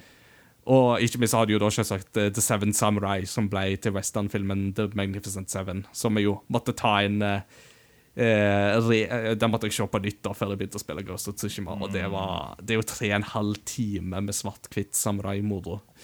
Men det er noe med at eh, Kurosawa var en ekspert på å bruke svart-hvitt eh, på en måte som var helt særegen og revolusjonerende for sin tid òg. Den måten han bruker lys og skygge på til alltid å belyse og sette fokus på det som han vil Altså Ja, det, det er kjempevanskelig å forklare, men hans bruk av svart-hvitt er helt særegen, og den har de gjenskapt så utrolig bra i Ghost of Tsushima. Eh, og i tillegg så blir det jo lyden går jo fra å være full surround til å være mono, skikkelig sånn innboksa, veldig sånn uh, litt lavere kvalitet. Og det òg er ah, Det er så gøy. Det er ikke for alle, men for de som liker det litt, prøv Kurosawa Mode i Ghost of Tsushima. Det er helt fantastisk. Mm. og i tillegg til det så har de de siste dagene òg fikla litt med Fall Guys Ultimate Knockout. Det ser gøy ut. Det er så sjarmerende. Det er så gøy. Det er digital lykkepille. eh, på samme linje som Yoshi's Crafted World og Animal Crossing. Det er bare kos. Uh, og den anmeldelsen ligger glad- også ute på Game Rector. Jeg hadde blitt så glad hvis det liksom bare tok over Fortnite og PubG og Warzone og bare The best battle real game ever made. Er Ja, men det er jo det, altså. Det er jo ikke så langt ifra. Eh, For å ta kortversjonen, så spiller du en slags blanding av en gelébønne og Michelin-mannen, eh, som skal springe sammen med 59 andre Michelin-bønnemenn eh, gjennom forskjellige hinderløyper i beste japansk gameshow-stil. Oh, og det det med skikkelig sånn her eh, Skikkelig sånn happy musikk som bare Det minner litt om noen av tracksa i Splatoon, syns jeg. Eh, men og veldig, veldig japansk inspirert og sånt. Og utviklerne sjøl sier jo òg det. altså De har innrømt at uh, Takeshis Castle, som er kong, altså som jo er faren til alle gameshows i Japan fra 80-tallet, eh, er jo hovedinspirasjonskilden her. Og et av minigames er jo sånn at det husker jeg at det så jeg på TV mm. da, jeg var, da, da jeg var liten, og så Takeshis Castle. Eh, så, så det er veldig gøy å se hvor de henter den inspirasjonskilden. Og så er det jo sånn at de har jo sånn litt sånn ragdoll physics og sånt, og de er jo sånn boing hvis de dulter borti hverandre. Så hva var det jeg skrev i anmeldelsen min med at uh, disse her uh, bønnemennene og sånt, de, de spretter fort Altså, De spretter lettere av hverandre og omgivelsene enn smittevernregler på sydenhungrige nordmenn. Ja, ja, ja. Den er fin. Så eh, Ja da. Det, men altså, poenget er jo at dette er en battle royale, så det er jo hinderløyper der folk blir eliminert underveis. Og til slutt så er det jo bare en håndfull igjen som kjemper om seieren. Og ja, eh, jeg har ennå ikke vunnet, men jeg har vært så nær uh, flere ganger til å vinne. Så jeg håper på å ta seieren ganske snart. da. Og det er så lett å styre òg. Det er det som er så gøy med det. Det er kjempelett å forstå. Kontrollene er knalllette. Og hvert minigame har liksom veldig enkle regler å forstå. Det er liksom spring den veien, ta den halen, eh, plukk opp så mange egg du kan. Eh, ja, veldig enkel og greit å forstå. Og det er litt av sjarmen og appellen med det òg. Og så har jo disse her eh, Fall Guysa har jo en sånn stå-på-vilje som bare er sånn uknekkelig. De er jo glad uansett. Så det er kjempekjekt, altså. Og med det så har det egentlig ikke så mye mer å melde. Eh, det var jo en fin liten bunke, det, med spill, vil jeg jo påstå. Så kanskje vi skal ta en liten pause, og så er vi straks tilbake. Ja.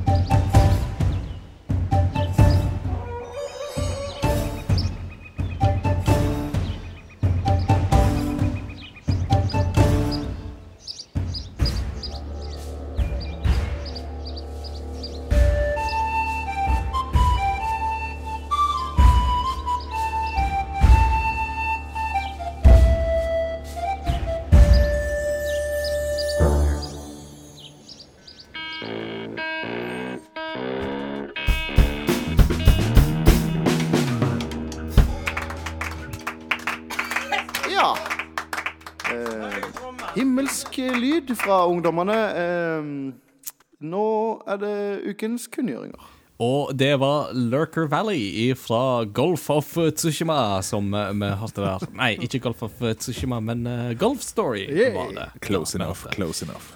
Close enough, yes. Uh, All right. Uh, vi skal ikke gå gjennom hele sommerens begivenheter av spillnyheter og eh, ymse diverse, men noen høydepunkter fra siste veka må vi jo ta. Um, for et par dager siden så fikk vi jo faktisk endelig en nyhet om Xbox Series X-lanseringa. Uh, den kommer i november, men dato, det vil de ikke si ennå. Så de holder oss på pinebenken lengst mulig, men folkens, november utpeker seg, eh, så da vet dere det. Samtidig kunne de òg da melde at Halo Infinite, som jo var kanskje den største launch-tittelen de hadde, blir utsatt til 2021. Uh, og det er jo selvsagt kjedelig, men det har vi forståelse for i disse pandemitider, at folk trenger mer tid til ting. Og det må vi respektere. Samtidig så har det òg delvis sånn kind of sorta blitt bekrefta at eh, det kommer en Xbox Series S òg. Eh, altså en eh, sannsynligvis litt billigere og kanskje ikke fullt så kraftig versjon av den nye Xboxen. Eh, detaljene vet vi ennå ikke, men eh, vi vet at det er noe der ute, så vi får vente og se på mer offisielle nyheter. Men eh, det er sånn kind of sorta bekrefta. Og så eh, et spill som kommer i oktober, som kanskje noen gleder seg til. Det er Pikmin 3 Deluxe, som kommer til Switch. Eh, jeg tror det er 30. oktober det kommer. Yay! Det kan bli gøy. Eh, Jeg likte iallfall Pikmin 3 veldig godt da det kom til Wii. Så Wii U, mener jeg. Så yeah. Og så har vi jo da Rocksteady, eh, de som har laga Batman Arkham-trilogien, har nå bekrefta at eh, de kommer med et Suicide Squad-spill. Eh, og det kan Det gleder iallfall jeg meg veldig til. Det tror jeg kan bli veldig gøy. Eh, po- um, posterbildet eller teaserbildet antyder at det er Supermann som er målet, men det ser ikke ut som en helt vanlig Supermann. Så Bizarro Superman, maybe? Kanskje? Det kan bli gøy å se. Og så har det kommet noen eh, finansrapporter og eh, de siste dagene. eh, når et finanskvartal er over, så kommer det jo med litt rapporter. Og for å si det sånn, når verden går i isolasjon, da begynner de å game. Og det merker både Sony og Nintendo. Nintendo har faktisk hatt en kvartalsprofitt på 400% de siste tre månedene, sammenlignet med samme tid i fjor. sinnssykt. Det er helt sjukt, og Animal Crossing er jo da spillet som casher inn. eh, og det har snart passert Mario Kart 8 Deluxe i eh, antall salg. Så det er utrolig imponerende. Ja, det er kult. Sony på, ja, og Sony på sin side melder at eh, antallet solgte PlayStation 4-spill eh, i dette kvartalet her var det doble sammenligna med fjoråret. Og her er det jo helt klart at eh, spill som The Last of Us Part 2 bidrar veldig til det. Så det var det. Det var kunngjøringene for denne gang. Og da er det på tide til å gå over til ukens tema. Vi begynner å nærme oss slutten på en konsollgenerasjon. Eh, PlayStation 5 og Xbox Series X står på trappene i november, som sagt. Kanskje PlayStation 5 kommer da òg. Og vi vil benytte litt tida nå til å se litt tilbake på generasjonen som har gått. Eh, for det er jo ikke hver dag det skjer, eh, og det er litt sånn gøy å ta et lite tilbakeblikk. Og jeg tenker jo da at eh, For å ta et tilbakeblikk så må vi jo se litt på hvor det begynte. Eh, og da har jeg notert det litt eh, på arket mitt. Det begynte jo med Wii U, som kom i november 2012. Eh, Deretter så fulgte jo da PlayStation 4 i november 2013, og det gjorde òg da Xbox One. Senere så har jo da Switch kommet til i 2017, og Google Stadia, hvis vi skal regne det med, kom i november 2019. I tillegg til det så har jo både PlayStation 4 og Xbox One fått eh, oppgraderte konsoller, nærmere bestemt sånne Pro Editions. PlayStation Pro kom jo i 2016, og Xbox One X kom Nå har jeg heller glemt å notere det ned, om det var i 18 eller hvor tid det var. Men eh, begge konsollene har iallfall fått oppgraderte utgaver i løpet av konsollgenerasjonen. Så la oss begynne med begynnelsen, og la oss begynne med annonsering og lansering av disse konsollene. Og der var det jo Xbox som helt klart trakk det korteste strået på um, sin presentasjon, vil jeg påstå. Ja. Kan jo på en måte Altså, Hvis vi skal ta med Wii U, så var nok òg den på en måte en uheldig periode for Nintendo. Men eh, nå husker ikke jeg altså lanseringsvideoene, hvordan de var, da. Men hva husker du eh, om den? Nei, altså eh, Wii U for meg var eh, den første E3-en jeg satt liksom eh, og, og benka foran TV-en eh, eller dataen, da. Og så sammen med en kompis og liksom gleda meg skikkelig, da, fordi at de visste at nå skal de snakke om den nye konsollen. Eh, og ble jo superhypa, og var hypa ganske lenge før jeg på en måte klarte å innse at det toget Det var det lite folk på. Eh, for å bruke et uh, utradisjonelt bilde. Men eh, eh, Ja, jeg syns jo Når Wii U kom, så jeg det var Jeg synes det var en fantastisk idé. Eh, Mm. Mm. men satt jo og tenkte og snakka med flere om at jeg skulle ønske det var på en måte motsatt. At sånn som Switchen ble, da. Uh, ikke for å si at jeg Ja. spådde Switch, men at jeg skulle Altså, når de annonserte, så tenkte jeg at gamepaden var på en måte også en egen maskin. At jeg kunne ta med meg gamepaden. Eh, og ble jo veldig skuffa når jeg skjønte at jeg ikke kunne det. Og ble også veldig skuffa når jeg skjønte at du ikke kunne ha mer enn én gamepad. For jeg tenkte så fett om jeg kunne tatt med meg gamepaden til Martin, og så kom Ingar, og så kunne vi spille Altså, de mulighetene var veldig kule, da, og jeg syns ikke de har på en måte realisert de så veldig på Switch heller. Eh, det kan godt hende de har, men jeg følte liksom at der var det lost potential. Eh, og Mm. Den eh, Ja, nei, så det Wii U-en har liksom ekstra hjerte Ekstra plass i hjertet mitt. Litt av den grunn òg at eh, det var liksom den eh, første, hva skal jeg si, E3 skikkelige E3-opplevelsen min, da. Mm. Mm. Wii U var faktisk, hvis jeg ikke tar helt feil, den første hånd- eller, skikk- eller heimekonsollen som jeg kjøpte på launch day, Ja. faktisk. Eh, Jeg hadde nok tidligere gjort det samme med 3DS, når jeg tenker meg om, hvis vi går til det håndholdte, men eh, Wii U var faktisk den første konsollen som jeg kjøpte på dag én og hadde forhåndsreservert. Eh, og jeg er jo veldig enig i veldig mye av det som du sier nå, Mats Jakob, og syns jo det at eh, Altså, Hadde det ikke vært for Wii U, så tror jeg ikke vi hadde fått Switch. Iallfall ikke i den formen som vi har det. Og Switch var på en måte en sånn take two på det konseptet. Eh, og ideene med Wii U var til stede, men realiseringa var det jo verre med. Eh, og jeg sa jo det med lansering og sånt, at Xbox trakk nok det korteste strået. Eh, TV, TV, TV, sports, sports, sports, Call of Duty, Call of Duty, Call of Duty. Men da Wii U ble presentert, så husker jeg eh, at eh, vi liksom så litt på dette i Game Rector. Og han som var sjefsredaktør da, han, han forsto jo ikke hva, hva er det Altså, er det en, er det en iPad til Wii, Ja. liksom? Til, Eh, ja, og, og den forvirringa rådde jo hos mange. Ja, for navnet, ikke sant?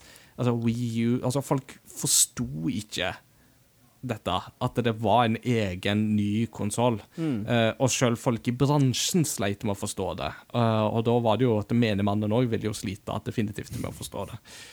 Og det ble, gikk jo som det måtte gå. ikke sant? Altså Wii U fikk et veldig begrensa utvalg med spill. Tredjepartsutviklere trakk seg jo ut. Uh, men samtidig så fikk Wii U noen veldig veldig gode spillopplevelser.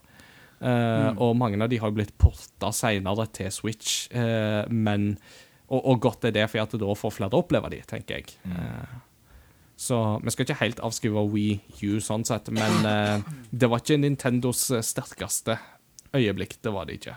På ingen Og måte. samtidig, hadde det ikke vært for Wii U, så tror jeg ikke vi hadde hatt Switch. Mm. Et steg på veien der. Det Mm. er godt at Nintendo har uh, mye penger i banken, så de tåler en sånn trykk. Det var jo det. Mm. Uh, og faktisk, der har jeg litt respekt for Satoru Iwata, som uh, var sjefs, uh, sjef for Nintendo på den tida, ikke sant? For i, i, mange var liksom sånn Å, han må trekke seg, han må trekke seg, han vet ikke hva han gjør. Men han valgte å ta ansvaret og stake ut kursen ut av dumpa, og halverte sin egen lønning eh, for å på en måte hjelpe Nintendo gjennom den vanskelige tida der òg. Ja. Det står det respekt av, syns jeg. Mm. Du ville si noe, Martin? Jeg skulle bare si, Det var litt sånn symptomatisk, for det jeg spilte mest på Wii U, var jo uh, Windwaker. som er på en måte egentlig et GameCube-spill. Det som jeg ser er Mm. øverst på Metacritic, er Breath of the Wild, som er Mm. måte et Switch-spill. Så litt sånn uh, Utenom Platinum Games med bajonetter og sånn, Mm. så var det Mm. liksom um, Ja, du har, også Rayman Legends var jo på en måte Ja. til um, Også til PlayStation, var ikke det? Eller var det først på Wii U? Ja, altså Rayman, Legend, ja, Rayman Legends ble først annonsert som en Wii U-eksklusiv. Ja. Og så, etter at det har vært ute et, et års tid, så porta de det til andre konsoller fordi at Wii U solgte såpass dårlig. Men Wii U er fortsatt den konsollen du Det er kun der du kan spille fem spillere Ja. på det spillet. Ja, og- der den ene og det- sitter med gamepad og styrer den der frosken. Det var gøy. Og det, det er jo Når du spiller det på Wii U, du skjønner jo at dette spillet er lagd til Wii U. Eh, og Ja, jeg har ja, ja, på andre Jeg spilte på Switcher, og det er sånn Ja, det, ja, det blir jo litt det samme på Switcher. Eh, når du spiller Nei, det blir jo ikke det, for du kan ikke bruke hånd Du kan ikke sitte og ta på skjermen og spille på TV-en. Er det sånn eh, det, det er gjennomsyra at det er et Wii U-spill, og jeg kan ikke se for meg at den spillopplevelsen er like bra Eller, ja det er, ikke, det er der du skal spille det, hvis du skal spille det. Ja, Martin? ja. Og sånn sett er det jo litt typisk Nintendo òg. Altså, altså Mario Kart 8 var jo helt amazing. Og det har de jo på en måte Mm. bare brukt videre på Switchen. Så sånn sett så syns jeg de bør få mer content, noe DLC eller noe sånt på Switchen til Mario Kart. Men akkurat den skal de ha, Wii U-en. At den nailer de. Men uh, uten Ja da, det og det var imponerende for at de Mm, og det var ganske imponerende, for Mario Kart 8 klarte 1080P 60 frames per second uten problem, nesten. Og det er jo ikke en så kraftig konsoll, for å si det sånn. Eh, og det var på en tid der veldig mange spill sleit med å nå den 1080P 60 frames. Altså, det er jo ting de fortsatt kan slite med. Så de satsa veldig på det, altså. Det skal de ha. Men uh, Wii U var nå én ting uh, i dette her. Men uh, jeg vet ikke om dere husker Xbox One-lanseringa, og husker at uh, det var sånn Nei, nei, den skal vi lansere i puljer i Europa. Så det er sånn Ja, Europa skal få den, men ikke alle land i Europa skal få den. Dere skal få den først, og så skal dere få den først, og så, så videre, så videre, så videre. Stemmer Det det. var kaos. Det var kaos, og det var stress. Og det var så mange som bare sånn Å, jeg må ha Xbox nå, og begynte å importere den, vet du, til en blodpris. Så det var Ja. Og det var jo den gode, gamle versjonen av den konsollen som jo så ut som en Betamax og kom med Kinect inkludert. Ja. Og Kinect må vi bare si RIP. Den Ja, forsvant fort. Det, Uh, Ja, det var litt sånn der eh, De fikk tyn når de skulle gå for eh, motion og ha liksom Det skal være en sånn altmulig-boks med TV og kanaler og alt mulig, men gamerne, de vil ha games. De, vil, de vil ikke ha Ja. noe annet, sant? Altså, det var jeg, jeg, jeg tror eh, for veldig mange så var det liksom to ganske store deal-breakers. Det ene var jo Altså, det ene er jo måten de la det fram på. Det ene var jo eh, DRM. At, Mm. du ikke, at du ikke kunne Hvis du kjøpte et spill, så var det ubrukelig for noen andre. At det var liksom Mm. kun til Mm. deg. Det var ikke mulig å selge spill, og det var en sånn åpenbar sånn Vi vil ha pengene for alle spillsalg. Eh, som er helt Det er greit å ønske det, men eh, sånn som de prøvde å tvinge det gjennom. Og det at Kinecten var eh, automatisk bøndla inn, og alle vet at den driver opp prisen. Og jeg vil ikke ha den. Eh, ja. eh, som var liksom to sånne veldig store blemmer fra de sin del, da. Ja. Og Sony Sony fikk lov å Mm. Og- de, Noen andre la opp til Smash for Sony en gang til, og kunne gå opp og si 299. Mm. Åh, det, det er så gøy å se Sony sin PS4-konferanse, for den er så prega av å være i kjølvannet av Xbox sin. Og det er bare sånn der eh, you, can, you can buy your game physical if you want. You can resell your game if you want. There's no demand to be online to verify your game. Yay! Og det er sånn, Uansett så er det liksom sånn hæla i taket. Og det beste var jo i forhold til hele den der med at nei, du kan ikke låne vekk spill eller selge det vekk, og sånn, så var det jo på bare 24 små timer så hadde jo Sony-sjefene i Japan og USA lagd den der korte presentasjonsvideoen med Here is how to share your game on a PS4. Part 1. Giving the game. Gir da disken til den andre. Thanks. Du, du, du, PlayStation. Ja, ja, ja, ja. Det var en eh, cheap victory de dro i land der, for å si det sånn. Og, og, og, og du kan jo skjønne litt nå hvorfor ingen av de vil gå først. Ja. De er så redde for å være i den posisjonen igjen, da. De har fortsatt ikke lanseringsdato. Det er ganske spesielt. Det er ganske vilt. Men igjen, vi har en pandemi som går eh, da, og det er klart at den gjør noe med logistikk og sånt, så jeg skjønner det. Men eh, kom an, nå er det august. Nå må vi faktisk ha, ha noe. Ja. Men eh, konsollene ble jo lansert, eh, og det som er òg en ting som folk ofte glemmer i forbindelse med lanseringer, eh, var jo at på det tidspunktet der så var det jo litt sånn Ja, men jeg kan jo spille på mobilen min, og jeg kan få spill som er gratis på mobilen min. Hvorfor skal jeg bruke 3000-5000 på en spillkonsoll? Uh, og mobilspillmarkedet var jo en eksponentiell vekst på den tida. Og var liksom sånn, for alle så var det liksom få den neste Angry Birds-suksessen var liksom det som gjaldt. Eh, og det var en reell fare, faktisk, for spillbransjen på den tida. Eller ikke en fare, men det var litt sånn at investorene torde ikke å satse. Og det var veldig mange som var litt sånn "K- Har disse konsollene egentlig livets rett til å komme ut? Vil folk egentlig ha de? Eh, og det var jo grunnen til at en del spill, som f.eks. Dragon Age Inquisition og en del sånne store spill, måtte de jo planlegge og lansere både til PS3 360-generasjonen, men òg PS4 Xbox One-generasjonen. Eh, og det var jo først etter et par år at man innså at det, jo, folk kjøper faktisk disse konsollene. Det er et marked for disse spillene Ja. Men det var et reelt tvilsmoment da de kom ut. Mm. Ja, ja. Og, og det ble liksom Det var ikke bare det at de var på jakt etter den neste Angry Birds, også, men det kom veldig mange bra mobilspill òg. Det var ikke Altså, selvfølgelig, det er veldig Du må liksom virkelig grave gjennom eh, Svømme gjennom sivet for å finne den store gullfisken, men, men det er liksom eh, på den, altså Det var på den tida så begynte mobilspillene også å få litt sånn Oi, det fins faktisk gode mobilspill. Det fins ikke bare puslespill og enkle Angry Birds-aktige spill. Det er det på en måte Mm.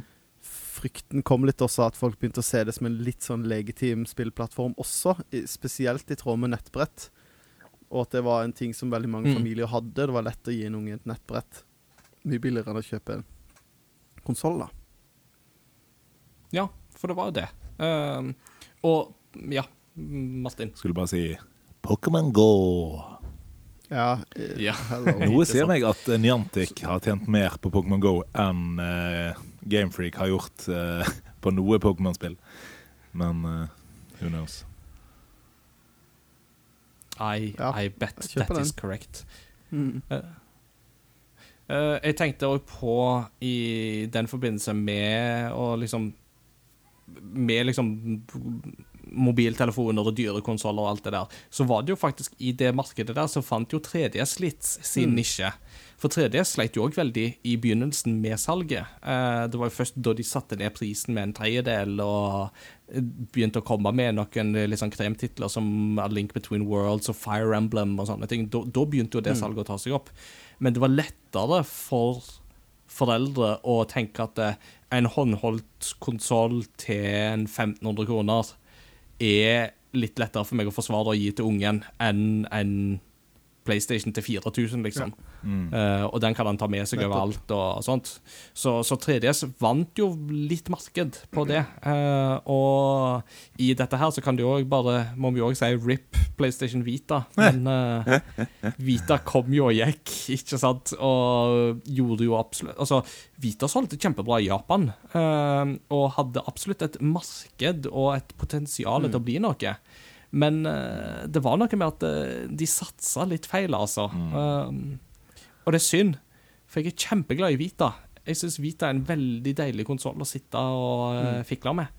Eh, men, Men det var det at når du bare fikk sånn nedkokte utgaver av eh, Uncharted og Killzone og Call of Duty og sånt, så ble det ikke interessant. Eh, men for indiespill og japanske rollespill så er Vita gull verd, Mm. faktisk.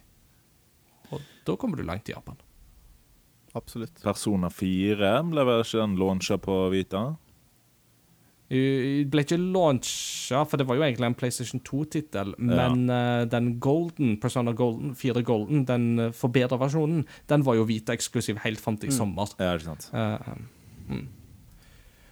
Og så er det jo, når vi skal snakke om ting som kom og gikk, uh, husker dere ting som uh, Oya? Mm. Å, lol. Det er traumene. Android-basert Android-basert uh, hjemmekonsoll. Det skulle liksom bli det nye siste. Kickstarter og greier, det var jo den maskinen. Ja. Men eh, den tror jeg ikke du får liv i lenger. Nei, Absolutt ikke. det er ikke noe ja, å si. Å og- ja til. Ja, jeg syns jo liksom eh, Ja, sånn som PlayStation TV, og det kommer jo mange sånne ting. OnLive var jo også en greie Mm. som ikke som var, Den var jo Mm. enda tidligere. Uh, men uh, ja, litt sånn derre Det er litt sånn som det Folk prøver jo fremdeles på det her. Det er jo noen folk som uh, driver og skal lage Intellivision Amico og prøver å liksom spille på eh, 1982-branding. eh, men som også er bare en sånn Mm. mini En maskin til, til masse mobilspill på TV-en, egentlig. Eh, og Mm. det markedet har jo på en måte Altså, det er jo blitt noe av det markedet, da. Du har jo eh, eh, eh, Apple Arcade og Google Play Store og alle de her som selger på en måte TV Enkle streamingspillting til TV-en. Mm. Eh, Så det er jo ikke, helt, det er jo ikke et marked Ja. som, er, som er dødt, som kom og forsvant. Men eh, hva skal jeg si Mm. det måtte jo komme, Noen måtte jo bane den veien. Mm. Ja. Mm. Og, og mens du snakker om streaming og sånt, så er jo det òg en viktig ting å se på med denne konsollgenerasjonen som har gått. For uh, det er jo nå dette med streaming og Twitch og e-sport har jo virkelig mm. tatt av innenfor denne konsollgenerasjonen. Ja, ja, ja. Altså, du hadde jo Du ante konturene av det med League of Legends da det ble lansert i slutten av 2009, helt på tampen av 2009. Men dette tiåret og denne konsollgenerasjonen er jo der det virkelig har blitt noe.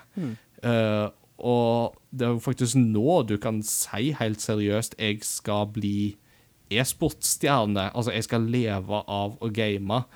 Og for første gang så vil jeg si at det er faktisk en nesten realistisk sjanse for at du kan klare det. Eh, ikke alle vil klare det, men det er definitivt et større potensial for å klare det nå enn det det var før. Ja, det er en fotballstjerne, Og- liksom. Ja, den ja, viss ja, ja. sjanse for det. Og, og det som er litt interessant òg, er jo det at det, dette er jo ting som viser hvordan spill har blitt en mye mer allemannseie i løpet av denne konsollgenerasjonen. Eh, og Det skyldes jo annet ting som streaming og Twitch og sånne ting, men òg Pokémon Go, som vi var inne på tidligere. Altså, når, når både Erna Solberg og Trine Skei Grande blir ferska i å spille Pokémon Go i hø altså, høringer på Stortinget, Yes. da tenker jeg at da viser det jo at det er liksom sånn Det går liksom fra the lowest peasant to the highest king. Uh, jeg tror jo at spill som Pokémon Go har vært utrolig viktige for å vise noe av Eller bare for å på en måte bane vei for den allmenne aksepten for gaming som denne generasjonen har i en langt større grad åpna opp for. Eh, jeg tør jo å påstå det at eh, spill har blitt en mye mer integrert del av allmennkulturen nå enn det det har vært før. Eh, ikke minst så har jo 2020 uh, vært med på å bidra til det, uh, på godt og vondt. Men jeg tenker jo at det, det, det, For de som vokser opp med gaming i dag, så tror jeg de i en langt mindre grad må forsvare det at de gamer, enn det vår generasjon måtte gjøre overfor både venner og foreldre. Eh, og det kan jeg ikke annet enn å applaudere og tommel opp for. Syns jeg. Ja, Der har vi kommet et deilig stykke på veien. Ja, nå er det litt mer Mm. sånn oh ja, du spiller Hva spiller du? At det kanskje det er heller der Mm. liksom eventuelt liksom uh, uh, nerdestempel kommer. Liksom Å, du spiller noe uh, Eller jeg opplever iallfall det at det er liksom De fleste barna eh, jeg har snakka med om spill med, eh, spiller jo de samme spillene. Og blir jo litt sånn der eh, eh, Alle spiller jo Fortnite og Apex og altså Minecraft og veldig mange av de her store, populære spillene. Men jeg har jo ikke møtt en unge som sier Ja, jeg syns det er fett med eh, indiespill, eller eh, jeg liker ditten og datten, som ikke er liksom mainstream, da. Mm. Det er veldig sjelden du hører om eh, tiåringen som bare Å ja, har, har du spilt What Remains of Edith Ja. Finch? liksom. Sånn, Eller uh, Enkereto nei, Beretto! Ja. Hvordan vet du? Enkereto Beretto. uh, hvilket minner meg på uh, Mediatonic, de som har laga Fall Guys. Vet dere hva deres veldig store spill tidligere er? Jeg håper ikke det er Enkereto Beretto. Nei, det er Hato for a boyfriend, da! Oi! Hato for a boyfriend, da! Det, det, vil si, det vil si, det er ikke de som har laga det, for det er jo egentlig et sånn fanlaga spill i- fra Japan, men de lagde den remaken som kom i 2014, og som ble en internasjonal slager. uh, så der har dere det. Å, konge. uh, men ehm, eh, Ja, og det viser jo bare hvor på en måte sært og bredt spillmarkedet er blitt òg, det, nå er det kanskje i langt større grad plass for de der sære titlene. Der, der spill som en duedating-simulator kan bli liksom den største hiten. Uh, det er sånn, ja. Hvis vi skal se på oss ehm, så har jeg liksom to spørsmål til å på en måte avslutte dette her eh, med denne eh, delen. Det første spørsmålet er hvordan vil dere si at dere har utvikla dere både som spillere, men også som personer i løpet av denne konsollgenerasjonen? Eh, hvordan vil du si at denne konsollgenerasjonen har forma deg? Eh, og da må du tenke sånn fra 2012, 2013 og fram til i dag. Hmm. Ja. Jeg vet ikke, Martin? Jeg kan begynne litt med en liten refleksjon som går på hele dette temaet. da. Og det er liksom eh, Mm. vi, eh, Hva har gjort at jeg har kjøpt en konsoll, f.eks.? Kan jo være litt eh, aktuelt. Mm. Og det er jo noe som Microsoft har skjønt etter hvert. Men det er jo dette med eksklusiver til en konsoll. Exclusive. Exclusive.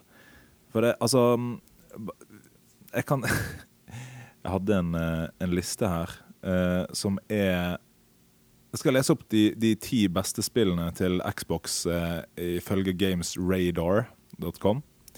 Okay. De begynner med nummer én, The Witcher 3. Uh, nummer to, mm. Red Dead Redemption 2. Nummer tre, Mm. Metal Gear Solid 5, Phantom Pain. Nummer fire, Mhm. Apex Legends. Fem, Assassin's Creed Odyssey! Ja. Odyssey! Uh, seks Minecraft. Sju GTA 5. Åtte Gears 5. Ni Fortnite. Mhm. Ti Control. Så vidt jeg vet, er det bare Gears 5 som er eksklusiv til Xbox. Av de som du, men du kan òg få den på PC. Mm. Det er riktig. Eh, men kontra PlayStation 4, da, som har Mm. liksom Altså For det første så launcher jo mange av de eksklusiv til PlayStation. Eh, Mm. Men så har de sine syke studio, altså Santa Monica-studio som lagde God of War, Mhm. God of War. og uh, Uncharted og The Last of Us. Altså, de har en så Altså Red Dead Redemption. Eh, Mm. de har en så imponerende liste av uh, eksklusiver at det er liksom uh, Mm. Spiderman. Hori Spiderman, Horizon, Horizon. Zero Dawn var jo eksklusivt fram til nå. Death Stranding var jo eksklusivt fram til i sommer. Persona 5 Royal. Yes. Uh, you name it. Eh, Altså- Ghost of Tsushima. De har flere eksklusive enn eh, jeg har lyst til å spille, enn som fins tilgjengelig på Xbox. sant? Mm. Um, Så det er no no-brainer for meg å alltid ha hatt uh, Nintendo og PlayStation. Um, for selvfølgelig, Nintendo er jo litt sånn der eh, Jack of all trades og litt sånn der eh, Ingen kan De gjør sin egen greie. ja, ja, ja. Altså, det er litt sånn der, Vi kan jo ikke snakke om denne generasjonen. Det er litt vanskelig med sånn Wii U og Switch. Det er liksom eh, Ja. Switch har jo bare Begge er strengt tatt innafor den syvende gener- konsollgenerasjonen. Sånn, Ikke sant? Hvis vi skal på en måte Ja. definere den, da. Så begge teller jo i, i den. Men det Eh, sier jo enda mer Mm. om Nintendo igjen når de på en måte de gjør sin egen greie, og de har eh, eh, slipp midt i andres generasjoner. Altså, de har sine egne generasjoner. Eh, Ja. det Mm. Men, men selv det med generasjonsbegrepet har jo vært veldig vanskelig å definere i Mm. denne generasjonen, fordi du har fått konsoller som PlayStation 4 Pro og Xbox Series X Nei, Xbox One X, mener jeg. Eh, som jo har forlenga konsollgenerasjonen betydelig, fordi de Ja. kunne lansere kraftigere utgaver. ja. Men det virker som at Microsoft har kommet seg litt opp nå og liksom eh, kjøpt opp en del studioer som de da kommer Mm. til å få eksklusiver med. Mm. Og ikke minst satser på Halo, Fable, Forsa. Ja. Det Kjør på. MJ, du skulle si? Ja, nei, eh, eller hvis, hvis jeg kan ta over eh, spørsmålet, så Ja. Mm. Eh, jeg syns jo det er fascinerende å tenke på, for jeg snakka jo litt om at eh, jeg satt og hypa meg til Wii U, eh, og hadde da bodd eh, to-tre to, år i Oslo. Eh, var nyforelska. Eh, satt og gleda meg til, eh, til Next Gen Zelda og var ung og lovende. Og når denne generasjonen er over, så er jeg gift og har to barn. Og en trist eh, hvit, hvit U som får lite kjærlighet i, i TV-benken og spiller på Switchen min. Og, altså, det har jo skjedd veldig, veldig mye. Og jeg har jo lært veldig Du er fortsatt lovende. ja, loven er men jeg er verken ung, jeg har ikke hår og har to barn og er gift. Uh, You've had some uh, real life platinum trophies. yes, a platinum. Mm. Men uh, Nei, altså, det har jo forma meg i den grad at det, Altså, min identitet som spiller, da Jeg har på en måte innsett hva slags type gamer jeg er. Hva slags Jeg har på en måte lært meg til å tenke at det som eh, Sånne spill, det liker jeg ikke. Eller sånn at det, det, Mm. For eksempel eh, vestlige RPG-er og store open world-spill, det er liksom ikke for meg. Sånn at eh, istedenfor å sitte og late som at Og alle sånne spill syns jeg er fett, og eh, som folk som lytter til, vet jo at eh, jeg er ikke nødvendigvis hypa på de samme tingene som dere. Eh, og at det er helt greit. Det er ikke sånn at for å være Mm. en gamer, så må du, må du være liksom opptatt av grafikk og det nye. Og, og det er helt greit å være det. Jeg prøver ikke å si at ikke det er greit, men det er også greit å ikke være nødvendigvis veldig opptatt av det. Og at gaming rommer så mye mer enn det nye fete. Litt sånn som det var når vi var små. At det var sånn Å, har du ikke Tekken 3? Eller har du ikke Mario Kart? Altså, at det var sånn der Hvis ikke du har dette, da er det ikke sånn. Eller hvis du ikke du liker det sånn og sånn, så er det Da kan det være det samme. Mm. Men at eh, gaming er så individuelt og så personlig, og eh, noen liker ett spill, og noen liker veldig mange spill. Eh, og at det er Mm. Som du sier, da, at det blitt det, det, er en, det har vært et skifte i spillkulturen, og spesielt i samfunnets syn på spillkultur, da, som også Jeg føler at eh, når det er blitt mer allment akseptert, så er det også mer akseptert å være på en måte noe annet enn bare liksom Vi er en liten gjeng med folk, og vi liker det samme. Og så er det sånn Ja, vi liker det samme, men egentlig ikke. Eller sånn. Ja. Mm. En liten Ja. Jeg uh, synes det er en kjempebra observasjon, og jeg er helt enig. Mm. Ja. Nei, men jeg er helt enig i det som du sier, og jeg syns jo egentlig det er bra, fordi at um, denne generasjonen har jo vist òg en stor grad av mangfold. Eh, både i på en måte hva slags fortellinger som blir fortalt, og hva slags rollefigurer som blir eh, lansert. Altså, dette har jo vært virkelig den konsollgenerasjonen der du har fått veldig gode, sterke kvinnelige rollefigurer som ikke bare har vært nisje, men som har vært liksom Game of the Year-rollefigurer. eh, Så til de grader, liksom. Eh, og det- skjer liksom ting både på konsollsidene, men òg, som du sier, i spillmiljøet og miljøet generelt, som gjør at det, det er mye større rom for mangfold og variasjon. Og det syns jeg er kjempebra. Det som er litt gøy, jeg skal uh, ha en liten sånn bokklubb med Christian uh, Christian! Skjer! Ja. Eh, om The Wheel of Time. Men det som er ja, sånn, litt gøy med disse spillene, sånn som The Last of Us 2. Man trenger nesten en bokklubb for å Altså en spillklubb for å um, debrife, for å liksom uh, Mm. Uh, komme igjennom hva, er det, hva, hva skjedde her, liksom. Vi må, vi må diskutere det sjuke som har skjedd her. Og det har fått en sånn ekstrem dybde. uh, ikke fordi det er spill, men fordi det er gode historier uh, gjort interaktivt, da, som spill har unikt for seg. Det er så deilig å se at det mediet har blitt så modent, da. At eh, s- Ja. fortjener å bli sidelinja minst med litteratur og film, liksom. Mm, det er kjempebra.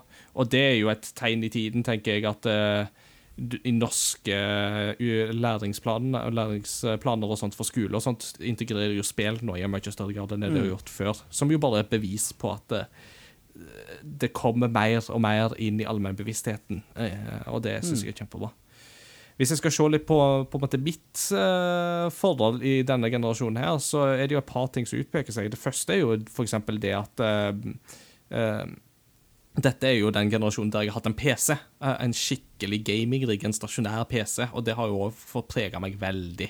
eh, med hva jeg har tilgang på, og blitt mye mer opptatt av det med tekniske ting og grafikk og sånt enn det jeg kanskje var før. Så, eh, og så har jo det òg ført til at dette har vært den generasjonen der jeg har gama online. Med, mye mer enn det jeg har gjort før. Eh, Både fordi at online-spill er mer tilgjengelige, men fordi jeg har funnet ting som er gøy å spille sammen med folk, og da har jo særlig Overwatch vært min, min greie.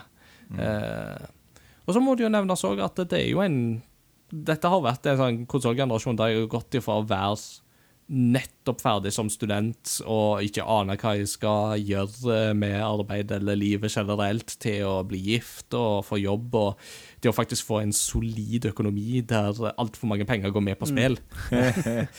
og det, det har absolutt satt sitt preg. Altså, spillhylla er betydelig feitere nå enn det den var da konsollgenerasjonen Ja. begynte. Eh, Pluss én. så det, Ja, ung og, ung og lovende tør jeg fortsatt å påstå at jeg er, da. Så det blir veldig spennende å se hvordan dette utvikler seg framover i neste generasjon. Yes.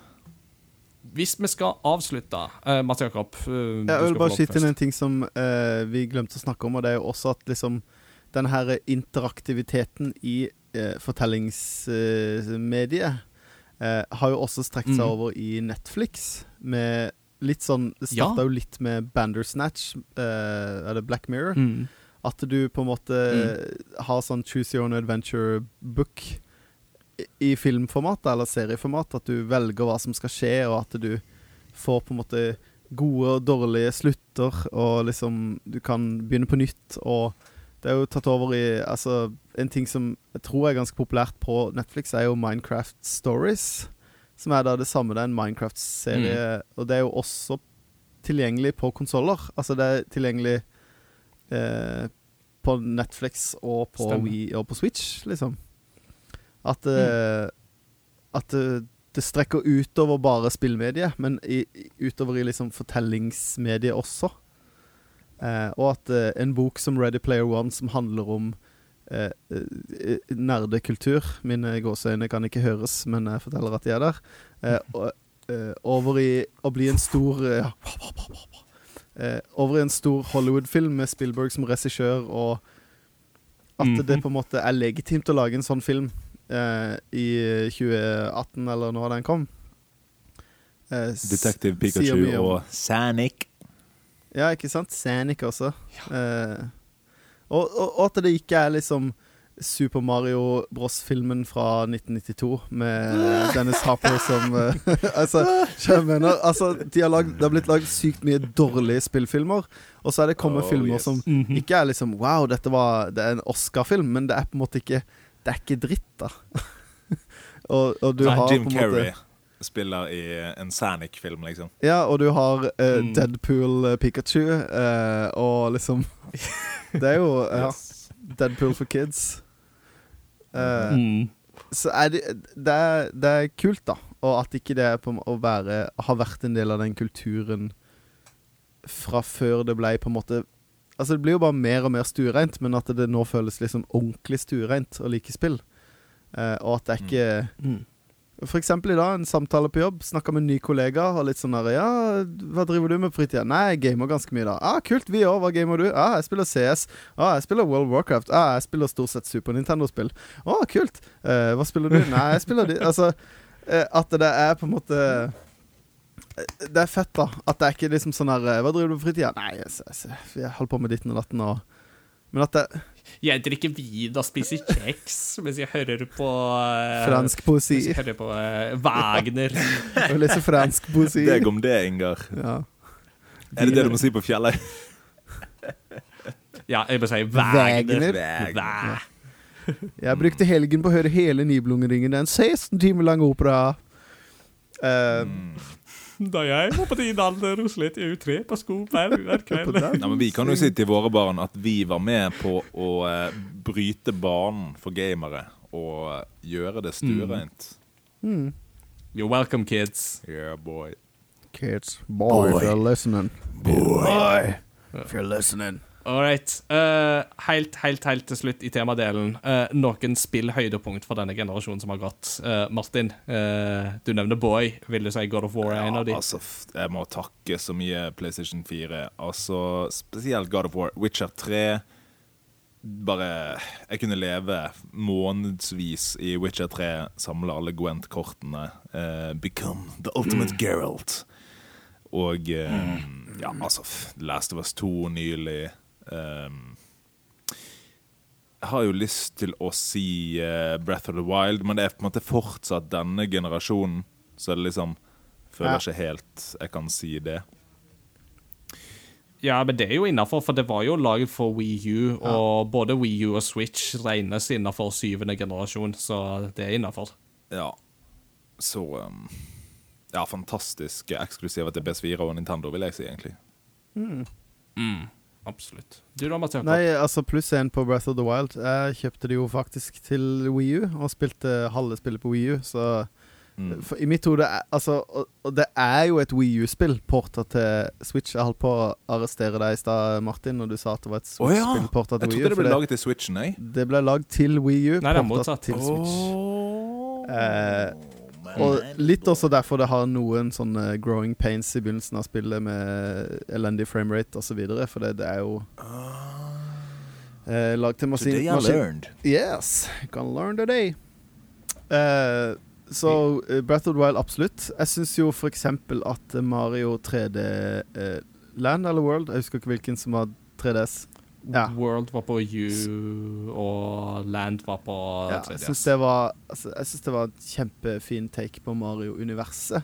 Med en sånn 2D-plattformer i 3D-format. Um, jeg syns Mm. Captain Toad var en veldig sånn kul idé.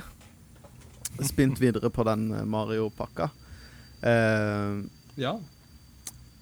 Uh, ja, jeg har jo spilt veldig lite PS4 og, PS og Xbox One. Men, eh, men mm. uh, ja, høydepunkter for meg har jo vært f.eks. Needhog 2. Mm. Ja. Kjempegøy spill denne generasjonen. Kjempegøy eh, partyspill. Um, Mm. jeg syns jo Super Smash eh, U, eller Wii U, var kjempegøy, det òg. Splatoon. Eh, masse masse Mhm. gode spilleopplevelser i, i denne generasjonen. Absolutt. ja.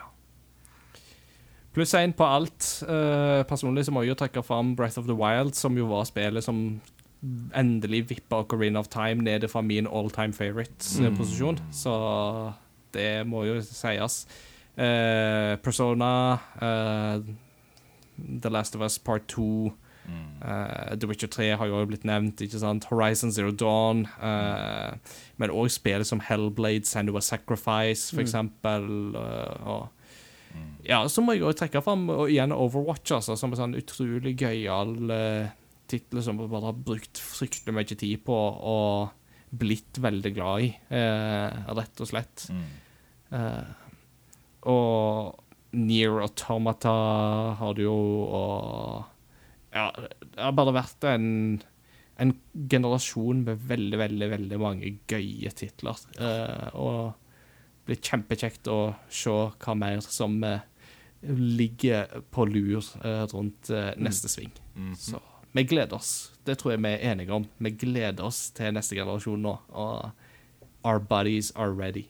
Noe som er litt interessant, er at vi snakker om at det er blitt sidelinjer med litteratur. Men spørsmålet er om spillet nesten har overtatt litt for litteratur, med tanke på dette interaktive muligheten. Bare det at de skal lage serier. De skal lage serier på HBO om The Last of Us, ikke sant? Eh, Mm. og, for, og de har lagd eh, Netflix-show om Minecraft, liksom. Eh, så det er liksom Og The Witcher. Ja, Witcher.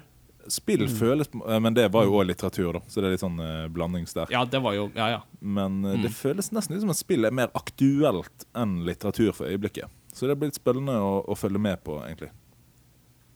Absolutt. Eh, så tida vil vise, og det blir veldig gøy å se når vi skal se tilbake på den generasjonen som kommer, og se hvordan vi vil se tilbake på det. Spennende. For dette er en hebreke pachinko-kontroller til Super Nintendo. It's curiosity. What are you gonna show to me?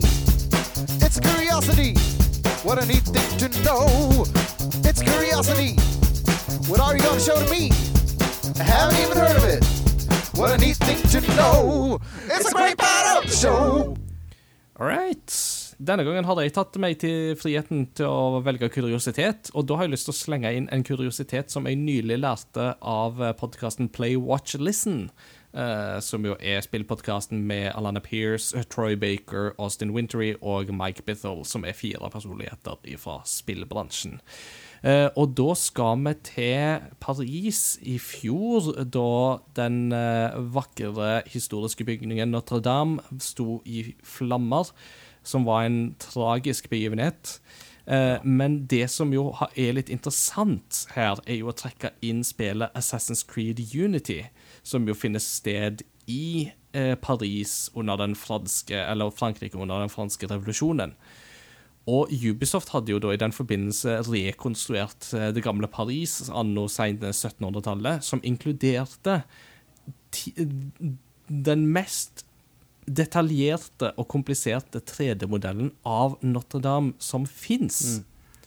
Så da Notre-Dame sto i flammer, så tok Ubisoft umiddelbart kontakt med brannvesenet i Paris for å veilede de med at da satt de med 3D-modellen og veileda brannvesenet for å hjelpe til i slukningsarbeidet. Og det kan faktisk ha vært med på å bidra til at de fikk kontroll på brannen eh, fortere enn det de ville gjort uten den 3D-modellen. Og i ettertid så har jo òg digital turisme blitt en greie med at folk flokka til Notre-Dame i Assassin's Creed Unity for å se den vakre bygningen i all sin prakt. Konge. Fett. Today I learned. Så Yes. Og det syns jeg er en veldig gøyal lærdom å ta med seg, og som viser at spill kan virkelig være nyttige. I come across over gaming.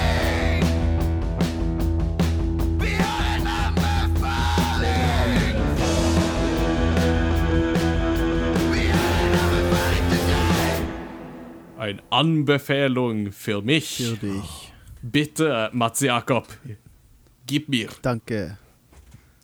Ehm, jeg skal anbefale en TV-serie som uh, jeg har sett mye av i 2020. Uh, jeg var late to the party Mm. med sesong én. Sesong to kom nå eh, for uh, liten uke siden. Eh, allerede ferdig med den.